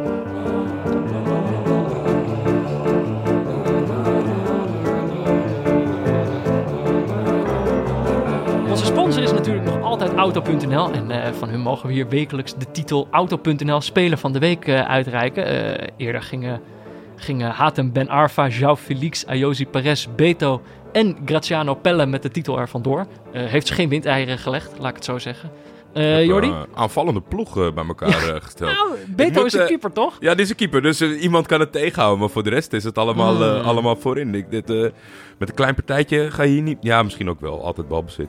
Nee, ik, ik, ga, ik ga meer op verdedigersletteren aankomen de laatste paar weken. Want wie is deze week de Auto.nl Speler Geen van de Week? verdediger. Ik, eh, we, hebben natuurlijk, we zijn begonnen met een uitstapje als niet-neutrale kijkers. Maar ik denk eh, voor neutrale kijkers en niet-neutrale kijkers... dat deze week maar, ja, ik denk toch wel één speler ver bovenuit stak. En dat was eh, Hakim Ziyech. Ja, heb je ervan genoten? Ik heb ontzettend genoten van, van, van Ziyech. En ik, zeer, ja, ik weet niet hoe ik dat moet zeggen. Echt kwaad gemaakt wel eens over de onterechte kritiek in mijn ogen. Ja, Altijd, eh, ja, het klinkt ook zo stom, want je, je- moet echt wel bijna blind zijn. Wil je, zien, wil je niet zien dat, dat hij goed is. ja. Maar dat, je- dat je dat Of zeg maar, op een redelijke, redelijke, redelijke onzin dingen eh, moet gaan lopen verdedigen over echt een van de beste. En ik denk dit seizoen de beste speler van de Eredivisie al heeft uh, zijn maatje Tadic dus hem lastig gemaakt. Mhm. Maar zijn, zijn, Het is one of a kind. Ja. Toch? dat denk ik het wel. Hakim. Het is, een, het is een unieke speler die gewoon eh frivol blijft. En frivol wordt bijna nooit gecombineerd met eh tomeloze inzet. Nee. Maar dat heeft hij ook. Ja. Ik denk ook wel dat het vanuit een bepaald eh, mediasegment is gekomen. Natuurlijk, hij liep er een beetje bij, maar zo goed was hij bij FC Twente. Toen heeft hij, is hij heel veel gaan lopen. Snijder deed dat ook in het WK 2014. Mhm. Om te gaan laten zien van, ik, ik ben ook wel aan het werk. Ja. En nu heeft hij dat, die inzet kunnen bewaren in combinatie met wie hij echt is. En het is echt een, een tovenaar om naar te kijken. Het is, het is een eh, grote persoonlijkheid. Iemand die een heel team eh, op sleeptouw kan nemen. Ja. Wat ik wel een beetje... Ik ben blij dat hij deze titel van jou krijgt. Want kijk, bij Ajax mogen ze altijd zelf... Ik weet niet meer precies wie dat nou tegenwoordig doet. Dan kiezen ze ook Man altijd of the match. De Ajaxiet van de wedstrijd Ja. wordt dan altijd uitgekozen. En dat was niet Hakim Ziyech. Dat was Donny van de Beek. Ja, die deed natuurlijk ook wel aardig. Is ook een leuke voetballer. Ja, Maar ik bedoel, hij kreeg, hij kreeg een publiekswissel. Eh, hij had eh, het team op sleeptouw genomen. Het is een, het is een jongen van wie je hoogstwaarschijnlijk toch echt wel afscheid gaat nemen. Ik had, Ja. dat, ja, ik bedoel, ik snap dan, als je hem toch zelf mag kiezen, als er niet om gestemd wordt of zo, dan, dan geef je die titel toch aan hem. Ik snap er daar echt helemaal niks van. mij ook. Dus Hakim, je bent, bij ons ben je gewoon de Auto.nl speler van de week. En dat is natuurlijk altijd, maken we dan een bruggetje naar Auto.nl, weet je wel, waarom het een speler is die die titel ook echt verdient. Mhm. Bij Hakim Ziyech heb ik dan bijna zoiets van, ja, god, hoe, hoe moet ik dat bruggetje in godsnaam gaan maken? Maar het is natuurlijk, eigenlijk wat jij net ook al zei, het is een speler die zo lang miskend is geweest. Ja. Eh, onbegrepen. En dat is misschien ook een beetje met Auto.nl. nou ja, ik, weet je, je zegt misschien in eerste instantie van een auto online kopen. Waarom zou ik een... Ik ben toch niet gek? Ik ga toch niet een auto online kopen? Hele stadion fluiten. Wij, wij willen geen auto online kopen. Ga weg, ga weg, ga weg. Nou ja, en totdat je opeens, zeg maar, eh, inziet hoe goed het eigenlijk is. ja. Ik denk dat dat met Auto.nl ook zo is. Ik vind dit een groot compliment voor Auto.nl en ik denk dat ze hier zeer content mee zijn. Auto.nl. Eh, Voor de mensen die het niet helemaal weten, eh, moet- moet ik misschien nog een keer spellen. Dat is A-U-T-O.nl. ik herhaal, A-U-T-O.nl. Een hele leuke website. Zeer overzichtelijk. Goed, dan is het tijd voor Knols Koek wedstrijd van de week. En dit moeten we misschien ook even uitleggen, want deze rubriek heeft opeens deze naam gekregen. En misschien dat het zelfs voor vaste luisteraars een beetje snel gegaan is. Eh, dit is de rubriek waarin we wedstrijden kijken, zodat Michiel Jongsma dat niet hoeft te doen. Ja. Hij kiest steeds een wedstrijd voor ons uit. En dan gaan wij, gaan wij die kijken, zodat hij hem niet hoeft te kijken. Ehm, maar hij wilde het niet naar zichzelf vernoemen. Dat Nee. is natuurlijk een eervolle jongen. En Eh, een ras Groninger. een ras Groningen. Dus dus ik wist wel dat er iets vanuit het Groningse in, in de titel. Ik was heel even bang dat Hans Hatenboer werd. Want hij is gek van Hans Hatenboer. maar dat maar- had Pieter Zwart hem volgens mij ook eh, verboden. Maar Ja, Ehm, hij heeft uiteindelijk inderdaad gekozen voor een, een mooi familiebedrijf uit de buurt. Knolskoek. Knols Koek, een, een prachtig familiebedrijf. eh, Wel een beetje ja, de wind tegen heeft gehad. Twee Het keer brand. County van de koekbakker. Flinke pech. Twee keer fik gehad. Ja. Ehm, het gaat inmiddels beter met ze. We hebben, we hebben geen nieuwe update. Nee. Maar we hebben natuurlijk wel een aantal weken al zitten smeken... dat ze ons een keer die Knols Koek zouden opsturen. Ja, zo zijn we dan ook alweer. Dan willen we dat wel... Ik bedoel, als die rubriek zo eet, heet... dan willen we het ook het een, weten. een doos binnengekomen ik, ik, ik- Ja. van het formaat wijnfles. Nou ja, dit, het leuke is natuurlijk altijd, dat wordt dan naar het kantoor van Dag en Nacht Media gestuurd. En dan krijgen wij een fotootje door van Tim of Anne. Die zegt, nou, er ligt hier, ligt weer iets op kantoor voor jullie. Eh, maar op de foto zag het eruit als een klein doosje. Ik, ik dacht, nou goed, krijgen we twee, cookies. Leuk, die Ja. gaan we dan eh, live op. Het is een enorme doos. Het lijkt eigenlijk een soort wijndoos of zo, toch? Alsof er een soort wijnfles Ja. in zit. En ik dacht, ja, nou, ik, ik haalde die koek eruit. Dat doe ik nu eigenlijk live ook. Het is een soort, het was eigenlijk niet echt wat Een ik van ontbijtkoek. Nou ja, maar echt vol met eh, noten. Er zit volgens mij een hoop suiker zit erin. Maar wacht, er zit ook een briefje bij. Oké. Misschien moet ik dat even voorlezen. Dan mag jij die koek ondertussen inspecteren. Hallo, Peter en Jordi. Hierbij een notenkoek uit Groningen van Bakker Meijer. Bakker Meijer? maar dat staat, dat staat op een briefje, hè? Er staat een Bakker Meijer met twee vraagtekens. Ja, Knols Koek blijkt nog helemaal niet heropend na een grote brand in hun bakkerij vorig jaar. Ik was in de veronderstelling dat ze in april weer open zouden zijn. Het is echter uitgesteld tot medio juni. Ah, toch een update. Eh, maar goed om te horen dat ze als, alsnog weer open gaan. Om jullie toch enigszins kennis te laten maken met Groninger koek. Deze surrogaatkoek. oh, het is dus geen knolskoek, maar het is wel een Groninger koek. Ook een prima notenkoek, maar het is geen, maar het is geen koek van knol. Zie het als tabaksnotenbar versus Sebon, Messi versus de machtige kuif Arend van Gielan. De knols koek houden jullie nog van mij te goed. Met vriendelijke groet, Frank K- Kwebeman. Kwebeman, zeg ik dat goed, Frank? Anders eh, moet ik je handschrift de schuld geven. Vind ik ook een beetje lullig om te doen. Volgens mij Frank Kwebeman. Jij zit het te eten Ja, ondertussen. klopt. Hoe is het? Is het lekker een beetje? Ja, het is goed. Oké, maar dus dit is geen knolskoek. Mooi. Maar het is wel Dus groot. ik geef ook geen oordeel. ik wil niet dat de mensen naar Meijerskoek gaan. Ik lust ook wel een stukje ja? eigenlijk. Ja, je moet het wel heel barbaars er- eraf trekken. want Ik heb geen mes. Nee, weet je wel, ik laat het nog wel even zitten. Want we moeten natuurlijk gewoon door met deze wedstrijd. Ja, Wel dank- hartstikke lekker hoor. ja, dankjewel Ja, Frank. hartstikke bedankt. Dankjewel. En eh, de knolskoek houden we blijkbaar het goed. Ze gaan dus medio juni weer open. Nou, daar kijk ik rijkhalsend naar uit. Ik ook. Ik, eh, ik hoop dat alles Onze goed gaat. brandstof voor tijdens de Afrika Cup. Precies. Ik, eh, ik, ik, ik gun ze het allerbeste. Goed, we moeten het natuurlijk over de wedstrijd hebben. Dat is natuurlijk eh Nationaal Potosi tegen de Strongest. Ik zei het in de introductie al. Het is een competitie met, eh, met prachtige namen. Maar dit zijn niet alleen prachtige namen. Dit zijn ook de nummer 2 en nummer 3 Ja, in de competitie. Bovenaan staat Bolivar. En deze twee ploegen gaan nu eigenlijk zo Bolivar. altijd maar weer dat, dat dekselse Bolivar. Eh, maar deze twee ploegen mochten dus onderling gaan uitmaken wie, wie nog een beetje kans maakt in de, in de titelstrijd. Ehm Nacional Potosi is volgens Michiel, Michiel Jongsma een van de, de oudste ploegen uit, eh, uit Bolivia. Eh, maar ze troffen in de Strongest wel een, een aardige tegenstander, omdat de ploeg al sinds maart niet meer verloren had. Dus het, het was op papier, laat ik het zo zeggen, een spannende wedstrijd. Het was in Estadio Victor Agustin Ugarte. Ja, Gewoon opgezocht hoor, dat ook, wist, ook wist ik prachtige niet. naam. Ehm, Ja, ik heb, ik heb al meteen, meteen wat eh, voor alle luisteraars in Potosi. Het, het, het, ik, ik schrok van het embleem. Ik dacht, ik heb verkeerd geklikt. Ik dacht dat ik naar River Plate zat Ja. te kijken. Want dat logo is gewoon één op één gejat. ja, hetzelfde er- soort letters. In de competitie zit ook Real Potosi. Ja. En dat is gewoon het logo van Real Madrid. Echt? Maar dan met een ander embleempje in het midden. Oh. Die twee hebben gewoon twee dingen. Ik dacht, The Strongest had een beetje een logo dat leek op, eh, op, op eh, Hull City of op, op Wolverhampton. Ja, uiteindelijk vind ik het is moeilijk om, origineel, om heel origineel te blijven. Maar gewoon het malletje stelen. En dat allebei, dat doen Maar- allebei de clubs uit Potosi. Dus ik verwacht dat zij een beetje het China van Bolivia zijn. Maar is het, eh, is het stelen? Misschien zijn die, hebben die ploegen zelf wel daar ooit die, eh, Dat die club eerder. gesticht. Kan toch? Kan toch? Dat ja, tot, iemand is, het tegendeel eh, bewijst, hou ik vast dat ze in Potosi niet heel creatief zijn. Maar ja, god, de wedstrijd. Moeten we het gelijk over de wedstrijd hebben? Ja hoor, het was niet al te best. helaas. Er viel eigenlijk geen pijl op te trekken wie nou eigenlijk de beste was. Toch? Op een moment dacht ik, oh, de strongest is de strongest. En een ander moment dacht ik, nee, Nationaal Potosi is nou al een kwartier aan het, Het ging, eh, het ging in fases. Ja, eh, de, Afwerking slecht. er werden hele grote Keepers kansen gemist. medium. Nou, één keeper heeft wel echt meerdere ballen van de Ja, lijn ja, ja, nee, zeker weten. Die keeper van eh, Potosi was dat. Die heeft wel echt wel ballen van de lijn gehaald. Dat had het ook zo mis kunnen gaan. Maar de wedstrijd werd pas heel laat beslist, omdat er dus niet gescoord werd. stond heel lang 0-0. 77ste minuut. Invaller Bruno Pascua. Die stond vrij. Die stond... ja, maar het was ook zo'n voorzet die er helemaal overheen viel, weet je wel. Dus ik, het was niet zo... Hij stond inderdaad wel echt vrij.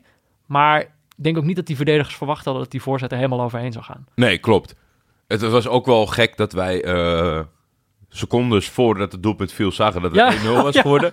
Want ja, het, het streamingsland is toch een beetje wat gevoed wordt door eh, alle rechthebbende Ja. eh, gokkantoren. Ja, Dus in het begin begonnen wij zonder geluid, eh, zonder scorebord. Ja, dit is eigenlijk... Kijk, wij maken er inmiddels in dit seizoen een beetje een sport van... om steeds obscuurdere competities te gaan kijken. Maar dat zorgt ook dat de stress van... Ja, Kunnen we deze vinden? kunnen we deze wedstrijd überhaupt wel zien? Wordt het ergens uitgezonden? Die wordt ook steeds groter. Maar toch, Jordi, jij weet ze altijd wel weer ergens op te diep. Ik ging dan naar mijn vaste streamaanbieders. Die hebben dan alles. Cluj tegen Craiova. Stabaek tegen Bran. Nationaal tegen Peñarol. Ze hadden zelfs Sint-Truiden tegen Cas Eupen. Maar dan weer niet Potosi tegen de Strongest. Weet je wel, zo'n aanbieder waarvan je denkt, die heeft alles. Er staat dit dan weer niet tussen. Nee, het was, eh, het was diep zoeken. Maar ook eh, na, na zeven minuten was er ineens een scorebord. Maar dat was niet het scorebord van de televisieuitzending. Dat was gewoon het scorebord. Ja, Wat, dat doen ze veel volgens mij bij Russische gokkantoren. Mhm. Dan knallen ze zo'n banner eroverheen. En alleen dit keer waren er geen quoteringen bij. Want soms bij wedstrijden zie je ook Oh, gewoon ja. live quoteringen van wie de volgende doelpunt maakt, wie een corner maakt. Misschien was helemaal niemand hierop aan het wedden, Jordi. Dat kan, dat kan toch? Ik denk dat Maar- de kans bestaat. Maar inderdaad, wat er bij die goal gebeurde... Er, er stond inderdaad opeens 1-0 op het scorebord. ja, En ik zat zo te kijken, ik keek zo naar dat scorebord. Ik geloof, ik dacht echt zo, heb ik nou die goal gemist? Of zie ik dit nou gewoon verkeerd? Ja, dus ik zat heel erg naar het scorebord te kijken. En op dat moment werd er gescoord. Dus blijkbaar die banner liep voor op, op de stream. ja. Want het zag het ook, soms bleef die stream hangen, maar dan liep het klokje door. Ja, nee, maar dat, is- dat is, eh, ja, dat is volledig waar. Want ik had, ik had precies dezelfde stress. Omdat eh, deze wedstrijd zorgde ervoor dat ik af en toe op mijn telefoon keek. Af en toe op het tv-scherm keek. Af en toe aan mijn vriendin vroeg wat ze aan het doen was. Ja, En ik draaide hem om. Ik dacht, dat kan toch niet?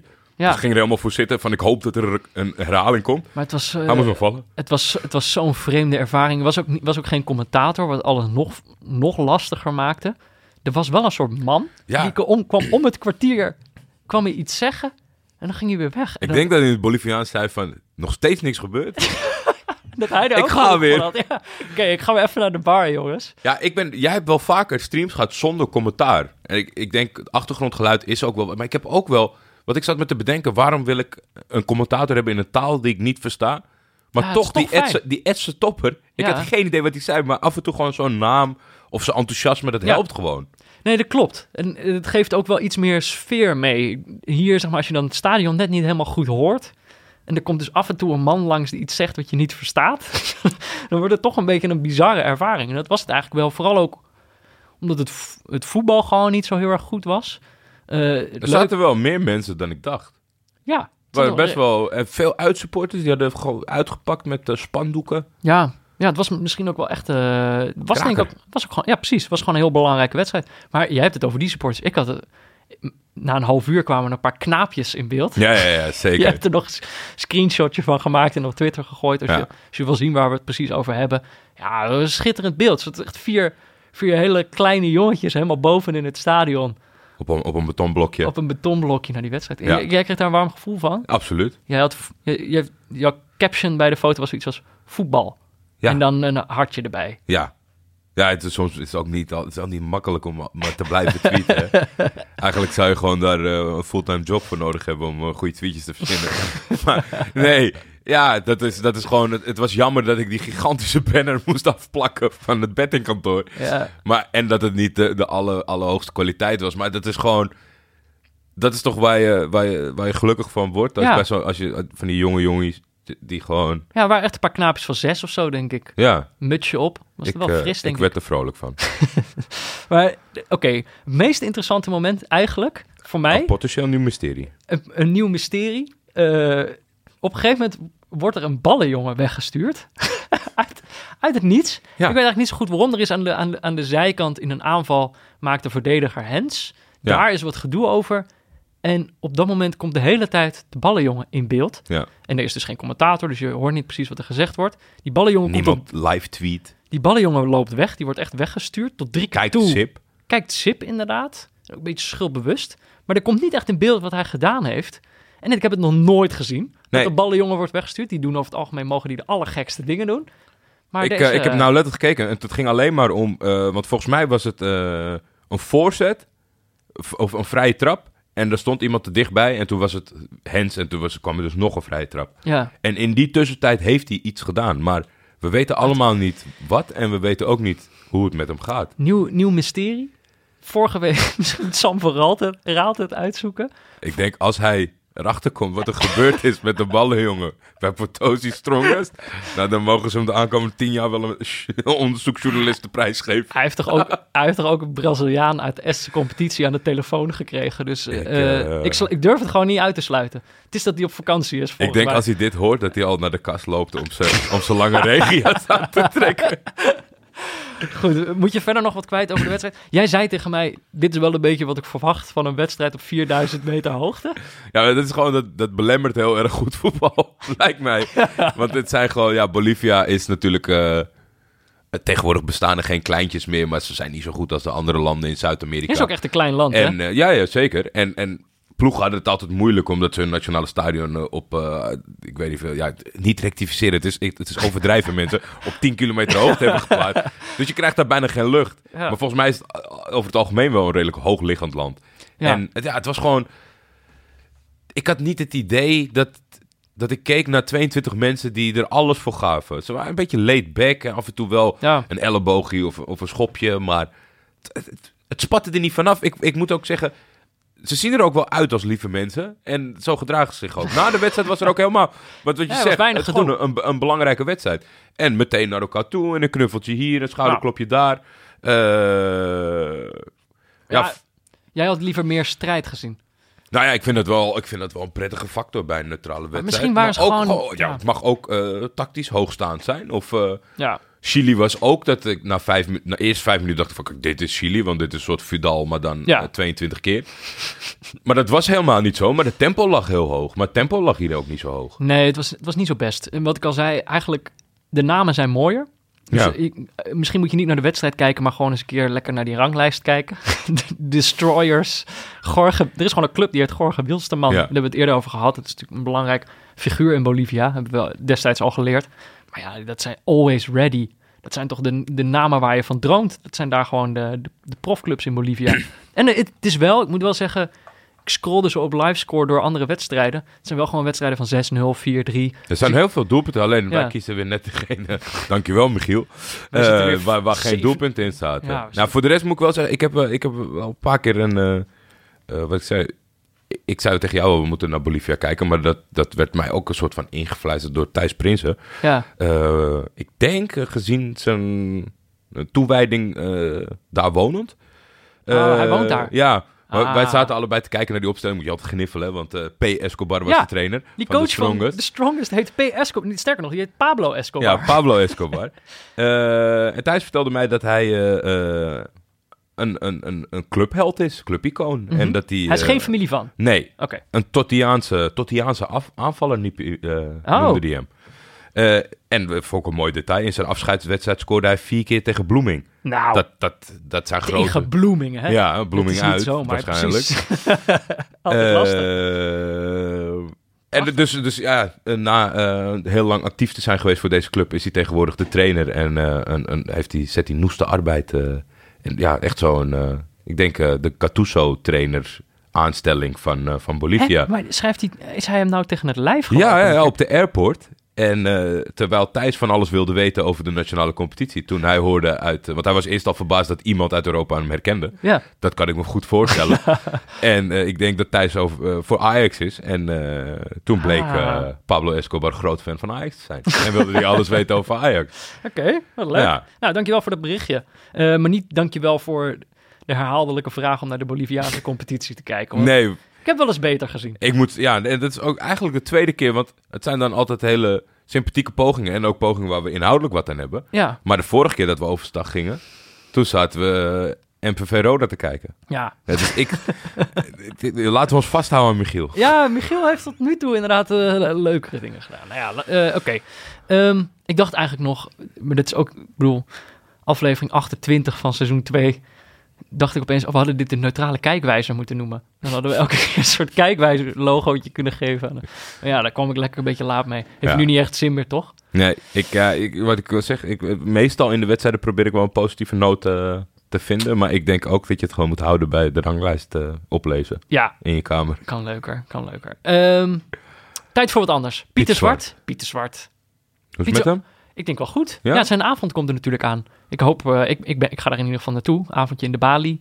Lekker over Stijf uitverkocht binnen eh, drie minuten. de toekomst. Eh, Justin Bieber van, Maar ze gaan ook een papieren VI Pro uitgeven. ja, Dat is- ouderwet hè? Heel ouderwets. Ja, maar dat is me helemaal in. Hè, papier. Mensen willen helemaal niet online zo'n abonnementje. Maar dat wordt denk ik wel heel leuk. Ik ga daar naartoe. En ja, als, als je luistert en je komt ook... ja, Zeg maar gedag tegen Peter. leuk. Ja, Hij is echt niet zo eng in het echt. vind ik echt heel leuk. dat wordt leuk. Laat hem iets signeren mensen, alsjeblieft. Piet Zwart. Kijk een pressing. Kijk een pressing. Zondag werd Ajax officieus kampioen van Nederland. De vraag is wat zoiets zegt. Woensdagavond laat stond hetzelfde Ajax immers virtueel in de finale van de Champions League. Toegegeven, dat is niet hetzelfde als officieus, maar voor ons bij VI zijn de gevolgen hetzelfde. Een hele productie door de scherder gooien. Een paar jaar geleden moesten we dat doen na het Ajax-debakel tegen de Graafschap. In de nacht van woensdag op donderdag moest dat dunnetjes over. Het scenario van een special richting finale ging de prullenbak in. En daarmee een paar verhalen die daarvoor gemaakt waren. Zoals een vooruitblik op de finale tegen Liverpool. Ik hoor mezelf nog zeggen op maandag: tik gewoon vier pagina's over Barcelona. Dat gaat echt niet meer fout. En anders ram ik zelf dat Liverpool-verhaal er wel uit op woensdag. Zo gezegd, zo gedaan. Wederom helemaal voor niets. Desondanks hadden we de volgende dag een mooie special over de Europese tocht van Ajax in de winkels liggen. Omdat het plan B al die tijd al klaar lag. Dat is dus de reden dat een officieuze titel nog niet telt. In het voetbal gebeuren vaker rare dingen en tot die tijd moet je rekening houden met twee scenario's. Of zoals Louis Gaal het mooier stelt, kwaliteit is het uitsluiten van toeval. Kijk een pressing. Kijk een pressing. Dat zegt hij toch weer prachtig. Het is eh, Ik, ik doe het hem niet na. een kunstenaar is Nou, het. Ik nogmaals- vind hem een kunstenaar. Mocht je hem eh, live in actie willen zien, eh, ja, Daar kan je niet meer bij zijn. Maak die mensen nou niet lekker. Dat verhaal is al lang uitverkocht. sorry. Ga weer, doe dit steeds. Oké, tijd. We mogen natuurlijk ook iedere week gratis een artikel. We hadden het net al over VI Pro. We mogen iedere week gratis een artikel van VI Pro Ja, weggeven. zeker. Eh, dat kun je dan lezen via vi.nl slash neutrale kijkers. Doen heel veel mensen. Vind ik heel erg leuk. Ja, Eh, er zijn ook een aantal mensen die via ons een abonnement nemen. Vind ik ook heel erg leuk. afgelopen week eh, rook uit de servers. Heb ik vernomen.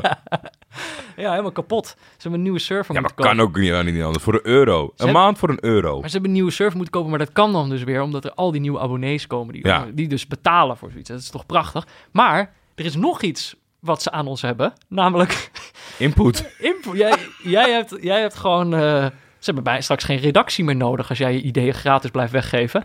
Vorige week hadden we het namelijk over een artikel van Sam Planting over Ja. zeg maar de, de meest interessante ploegen die overpresteren. Dus meestal kun je een ranglijst baseren op, eh, op basis van begroting of eh, salarisuitgaven. Wat was het precies? Die beide. Beide. Ehm, meestal komt dat gewoon overeen met hoeveel geld de club heeft. Maar er zijn er altijd clubs die overpresteren. Want ze zeggen, Jordi, ja, ik wilde eigenlijk ook wel weten...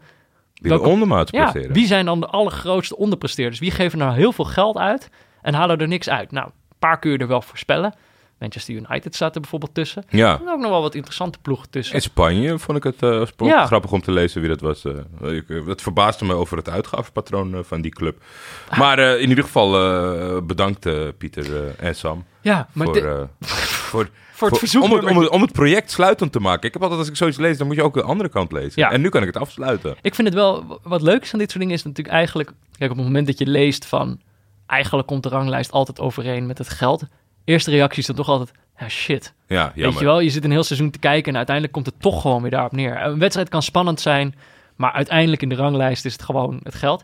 Maar dat dan dus toch, er zijn nog wat deviaties. Da- Ja, ja, daar ja. moet je eigenlijk naar kijken. Dat is het leukste. Al weet ik niet, kijk zeg maar, die overpresteerders zijn leuk om naar te kijken, denk ik. De onderpresteerders. Over het algemeen een stuk minder. Dus misschien is het niet zozeer een tip om, waarnaar je moet, naar moet kijken, maar het is wel een mooi, eh, mooi compleet verhaal, zoals je zegt. Dus als je dat wil lezen, dat kan natuurlijk via eh, vi.nl slash neutrale kijkers. En ehm, ja, eh, word ook vooral abonnee. Er zijn natuurlijk veel meer verhalen die je niet gratis via ons kan lezen. Ja, Ehm, en als je abonnee wordt, laat dan even weten dat je via ons komt. Dat vindt Pieter heel leuk. ja eh, En wij ook. en wij ook. We krijgen steeds, Wij krijgen updates stuurt hij steeds zijn. gifjes met eh, champagneflessen en dat soort dingen.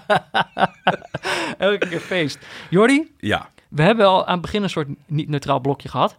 Eh, ik wil toch Oh, even jee. nog iets anders weten. Ik vind het toch eigenlijk wel leuk. Galatasaray is eh, te- tegen alle verwachtingen in toch nog in een titelstrijd verwikkeld geraakt. ja. En elke week wordt het gek. En elke week denk ik, oké, ik ga me hier niet echt in verdiepen. Ik ga gewoon aan Jordi zijn compleet objectieve mening vragen hoe het gegaan is. Maar hier kon ik op het scorebord al zien dat er iets heel geks was gebeurd. Galatasaray is van 2-1 achter. klopt. Ik dacht, oh jee. Ja, Eh, dat was niet zo heel lang te spelen. moment, ja, precies. Eh, ik dacht na die klap van woensdag, ik zie Jordi nooit meer terug, dacht ik. Maar Nou ja, er zit nog wel, er zit nog wel eh, iets wat het nog erger maakt in Leidend. Is dat, eh, dat ik eh, gewoon nog in de amateur eh, zaterdagcompetitie speel. Mhm. En dat wij 2-3 verloren in de laatste minuut. Oh god. Ik zweer het. En geen kampioen meer kunnen worden daardoor. Ah, jij was er helemaal klaar mee. ik was er klaar mee. Toen dacht ik, ik ga mijn heil zoeken in, in Galatasaray. Eh, Ze speelden verschrikkelijk tijd. Drie uur 's middags, terwijl ik zelf half drie moest voetballen. Mhm. Dus ik, eh, ik viel er volgens mij in de Na een half uurtje had je 68ste rood. minuut, eh, 68ste minuut viel ik in een livestream op mijn telefoon. Twitter is wel echt geweldig op zo'n moment. Want dan Ja. heb je even een livestream nodig voor mobiel. En dan komen ze voor alle kanten. Dank u wel daarvoor.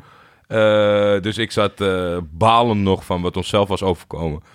Eh, voor de deur bij de kleedkamers. En ik, het eerste wat ik zie is eh, heel veel mensen om een speler heen van Galatasaray. En dat zag er niet goed uit. Mhm. En dan denk je altijd eerst even het ergste. Maar het, het bleek te zijn Emre Akbaba, die was net ingevallen, de middenvelder. Ja. Eh, verschrikkelijk charge, pen, of enkel gebroken. Een ongelukkige breuk. Ik denk dat de scheidsrechter een beetje beïnvloed werd door het gevolg zeg maar, van de sliding. Mhm. En die gaf de speler van de tegenpartij van Rizesport rood. En enkele minuten later staat het 2-1 voor Rizesport. Dus tegen 10 man, 2-1 Oh. achter. Met nog maar wat minuten te spelen. Maar toen wist ik wel al dat er eh, veel blessuretijd zou komen. Omdat die Ja. behandeling zo lang duurde. Met de man meer. Ja, en toen was daar het moment van het weekend waar eh, iedereen in Turkije... Ik geloof dat ik daar een gifje van heb ja, gezien. eh, ze- ze- zijn haren uit zijn kop trok. En ja, Een je, onterechte om- penalty. ja, ja, een ultra lichte penalty.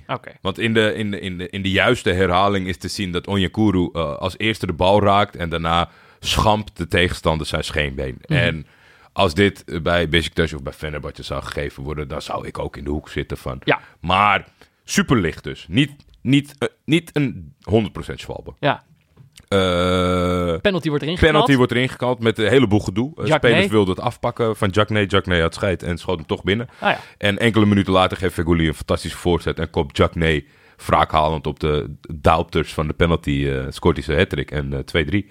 En eh, nog steeds in de titelrace. ja, en toen moest uh, Bazakci hier nog spelen, maar die hebben gewonnen geloof ik. Ja, die kwamen 1-0 achter, maar die hebben eh, nog 2-1 gewonnen. Dus eh, het is gewoon eh, een, een 1 op 1 duel om de titel volgende week. Als Galatasaray wint, dan eh, zijn ze kampioen. Zijn ze niet meer in te halen. Oei, oei, oei. Wat eh, spannend. Is een spannend potje volgende week. eh, Wordt ja. wel leuk. Wel leuk, toch? Ja, zeker vanuit de, vanuit de plek waar je komt, dat je nu nog eh, daarom kan spelen, is, Ja. wel, eh, is wel mooi. En zou ook wel leuk zijn voor Vic, natuurlijk. Twee titels in zijn eerste jaar. Ja, inderdaad. Helaas papa niet meer, maar eh, ja, goed, daar, daar komt hij wel overheen, denk ik. Over kampioenen gesproken. We hebben natuurlijk een paar kampioenen dit, dit weekend.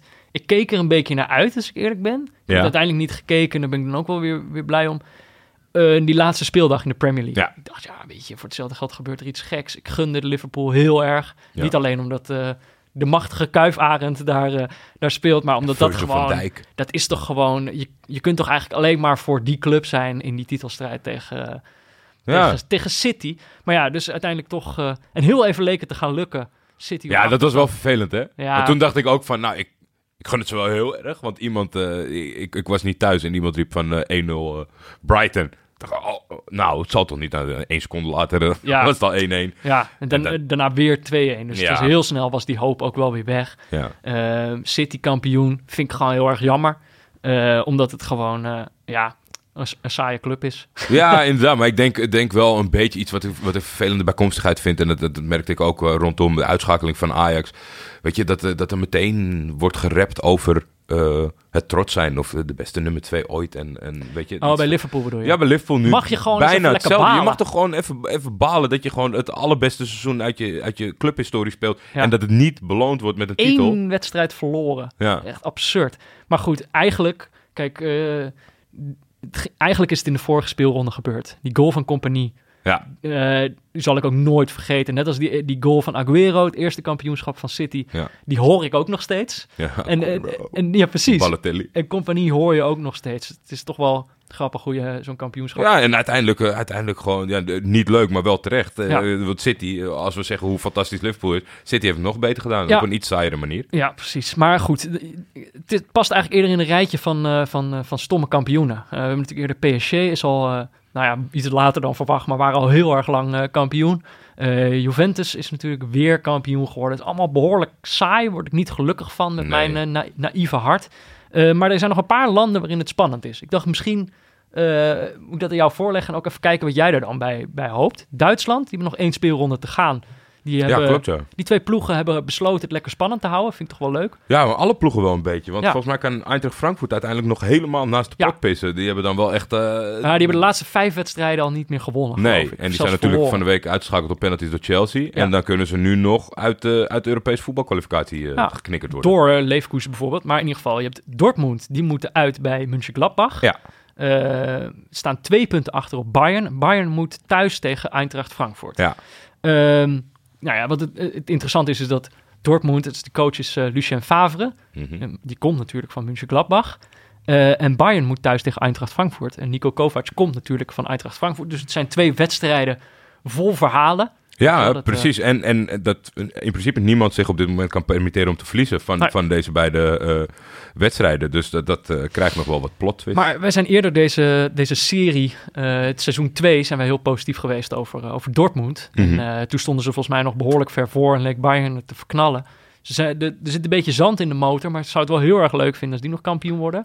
Ja, ze hadden, twee, eh, ze hadden wat punten meer kunnen hebben als ze niet laatst eh, volledig eh, instorten uit het niets. Ja, maar ja, maar dat is wel een leuke ploeg. Verder land waar het ook nog spannend is, is België. Ja? Daar kregen we ook nog een berichtje over. We hebben natuurlijk ook aardig wat Belgische luisteraars. Het is namelijk nu zo, Genk is koploper, maar Anderlecht is eigenlijk de kampioenenmaker. Ze hebben natuurlijk die kampioenspool Ja. in, in België. Genk staat volgens mij drie punten voor op de nummer twee Club Brugge.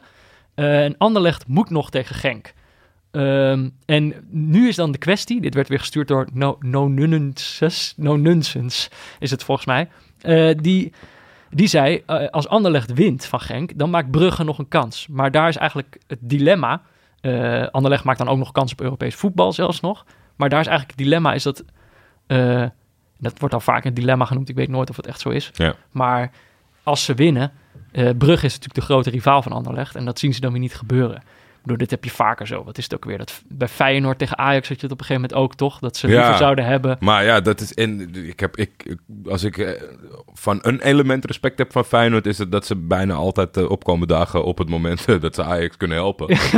Wat natuurlijk vrij frustrerend is. Maar ook wel gewoon eh, het karaktertekenend is dat ze niet opzij gaan. Volgens mij hebben ze toen heel erg getwijfeld met Twente. En PSV hebben ze al meermaals thuis in een belangrijke fase gewonnen. Ja. En ik denk uiteindelijk. in elke competitie komt dit wel eens voor. En je speelt toch voor je eigen trots. Maar ik denk, kijk, Anderlecht... Kijk, Anderlecht heeft, ni- heeft niks te winnen. Nee, nee maar, Wat dat betreft. maar die zijn... Bedoel, die hebben gewoon een waardeloos seizoen. Dus die, je kunt doen alsof ze een keuze hebben of ze gaan winnen of verliezen. Maar die Nee, worden waarschijnlijk nee, gewoon dat- afgeknald. Dat speelt ook. Ja, het, het enige voordeel is voor Anderlecht dat zij aan het, uit, aan het einde van deze wedstrijd twee geldige excuses hebben. Ja, van, precies. Kijk, wij zijn toch Anderlecht. Of ja, hey, dit jaar. Who cares? Ja, precies. Ja, is, is club, eh, wo- wordt club tenminste geen kampioen. Zoiets. En dan de laatste competitie wordt nog spannend wordt. En dat wordt eigenlijk, dat, is, dat wordt wel heel erg leuk. Het is Portugal. Daar is natuurlijk uiteindelijk, Sporting is op een gegeven moment afgehaakt in die titelstrijd. Gaat alleen nog tussen Benfica en Porto. En wie ontvangt Porto nou in de allerlaatste wedstrijd? Eh, Marcel Keizer. Ja, Keizerbal. Dat, dat wil je niet. Nee, die, die ploeg is on fire. Eh, we zijn Nou ja, het zijn wel... het ze zijn wel tot halt geroepen afgelopen Oh. weekend. hè. Oh. 1-1 thuis tegen Tondela. Oké, ze, zijn, ze zijn niet meer on fire. Tegen Tondela of Ja. all, all- all clubs. Ja. Nou in ieder geval, dat is nog niet gespeeld, zou ik zeggen. Eh, en Benfica, die ontvangen eh, nummer 7 Santa Clara. En het leuke in zo'n laatste speelronde is natuurlijk dat het allemaal tegelijkertijd gebeurt. Dus de, dat kan altijd knotsgek worden. Ja, maar het, het, het punt is... Het had mooi als Benfica een uitwedstrijd had gehad. In ieder geval. Mhm. Omdat Benfica heeft het in eigen hand. Ja, En die hebben het in eigen hand en spelen thuis tegen Santa Clara. Dus ik Hebben ze het in eigen eh, hand? Ja, Is dat zo? zeker. Zij staan twee punten voor. oké.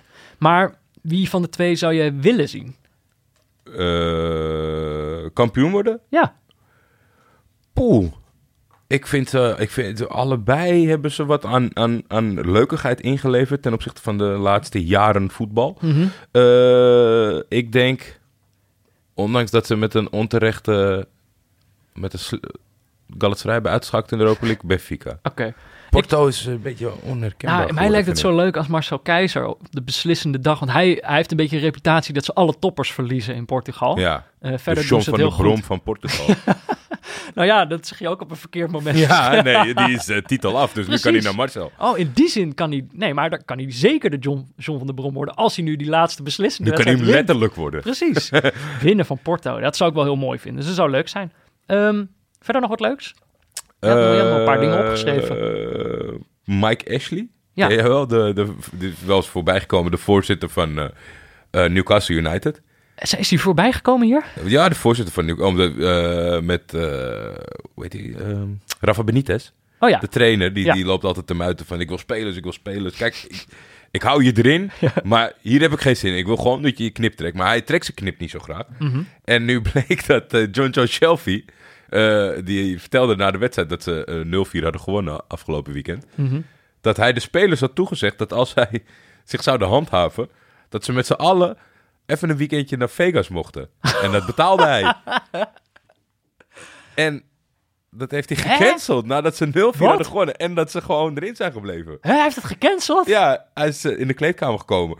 Want ik, ik, zag, ik las het verhaal. Toen ging ik heel snel kijken. Hebben ze verloren dan? Hè, wat is dat voor iets bizars? Ze hadden 4-0 gewonnen. Maar Die gasten hebben 4-0 gewonnen omdat ze naar Vegas wilden. ja, hij heeft gewoon gezegd... eh, sorry. Nou, gaat toch niet? nee. Wow. Hé, wat raar. Volgens mij speelt hij ook hen- enorm met die rol van Gieraard. Zo, En maar dit, hier dan ga je wel heel ver. Ja, ik, ik, ik, het, lijkt me niet, het lijkt me niet heel goed om zo je spelers, zeg maar, tegen de haren in te strijken.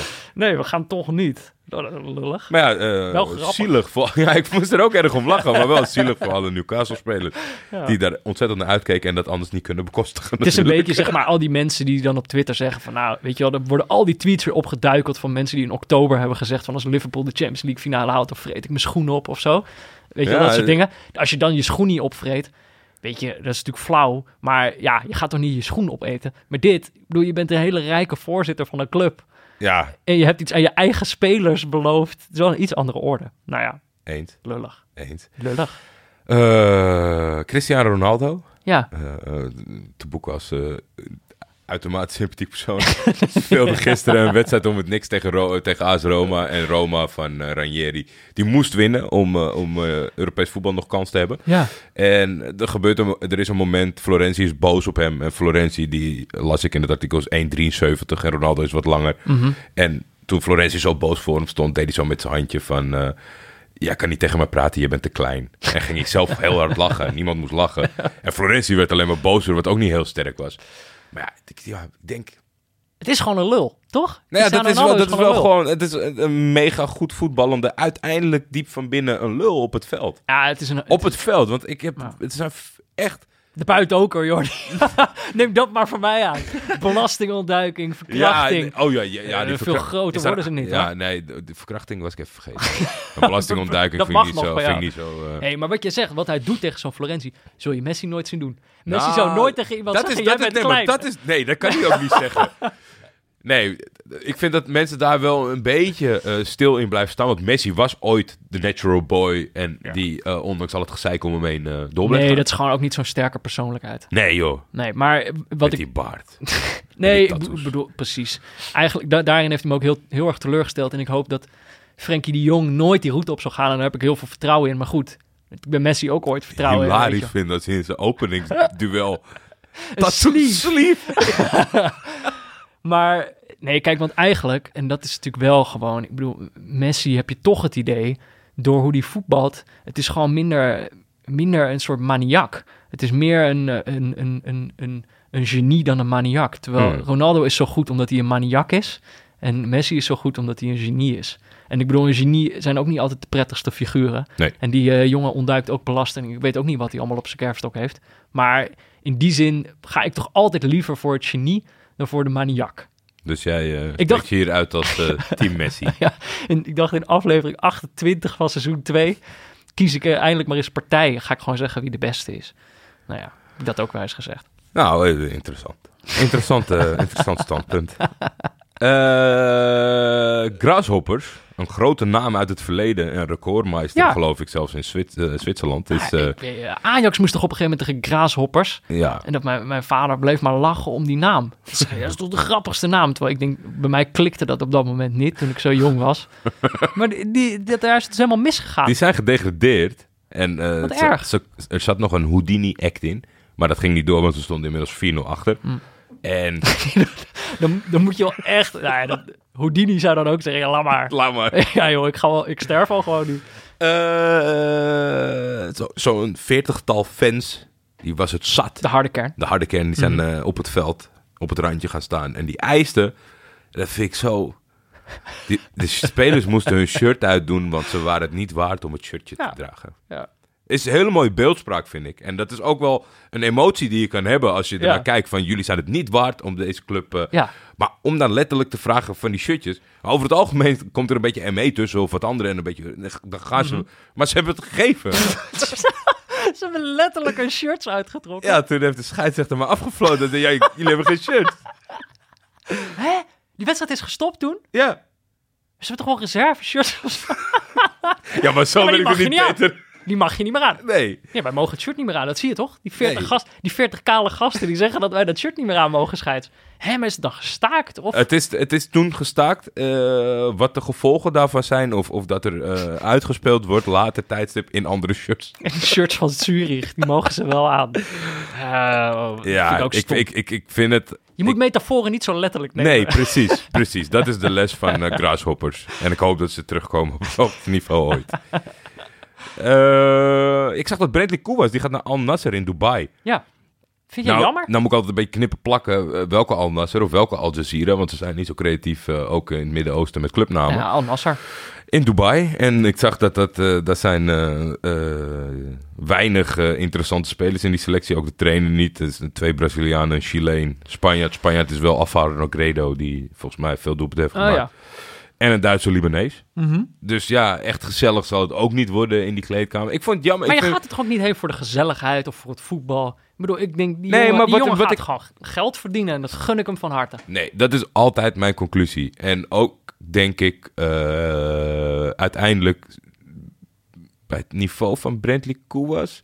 Al had ik graag gezien dat, eh, zoals ze in de Serie A, random poging deden om, om Nederlandse middenmotors te proberen. Want heeft echt heel lang goed Ja. gevoetbald in de Nederlandse Eredivisie. Heeft statistieken gehad waar je u tegen zegt. Had een beetje een dipje, maar ik denk dat het ook te maken heeft dat er maar niemand kwam om hem... eh, weet Ja, je? precies. Ik, ik vind het jammer dat er geen, geen de Roon-verhaal in hem schuilt. Want ik, ik, Ah, ik ja. denk dat het erin had gezeten hoor. Maar Juist is- competitie. Ja, maar Net, ik denk, eh, als je zo'n voetballer bent, kijk, we kunnen het altijd heel erg romantiseren.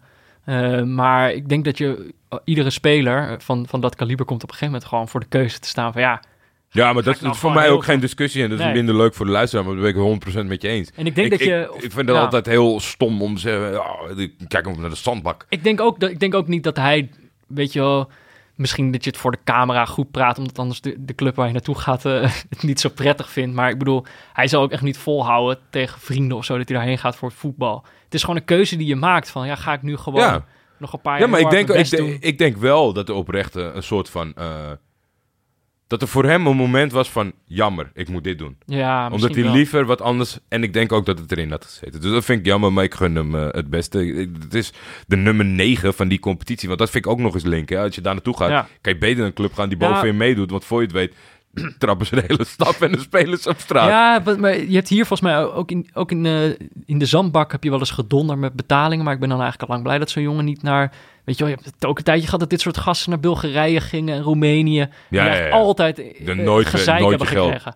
Precies, en dat is eigenlijk nog veel erger. Want dan maak je, dan maak je een beslissing waar je misschien niet helemaal... Weet je wel, die maak je niet met je hart, maar voor, maar voor het geld, zeg maar. En dan krijg je en dan het krijg je het geld ook nog ja, eens dat is het gekke. Maar over competities gesproken waar je geld nooit krijgt. Het Turkse tweede niveau. Wat ik heel leuk vond. eh, ik zag laatst al dat eh, Bilal Ulcik eh, onder contract staat bij Oh, ja. de promovendi van Turkije. Hoe gaat dat het is, eigenlijk met... Dennis de Spoor. ja. Volgens mij werd hem gevraagd over hoe het was om met Frenkie te spelen. Bilal Ulcik heeft gespeeld met Frenkie. Ah, ja. Maar die, die is niet speelgerechtig of, of speelt geen minuut. Maar iemand die daar al anderhalf jaar de leiding neemt op het middenveld.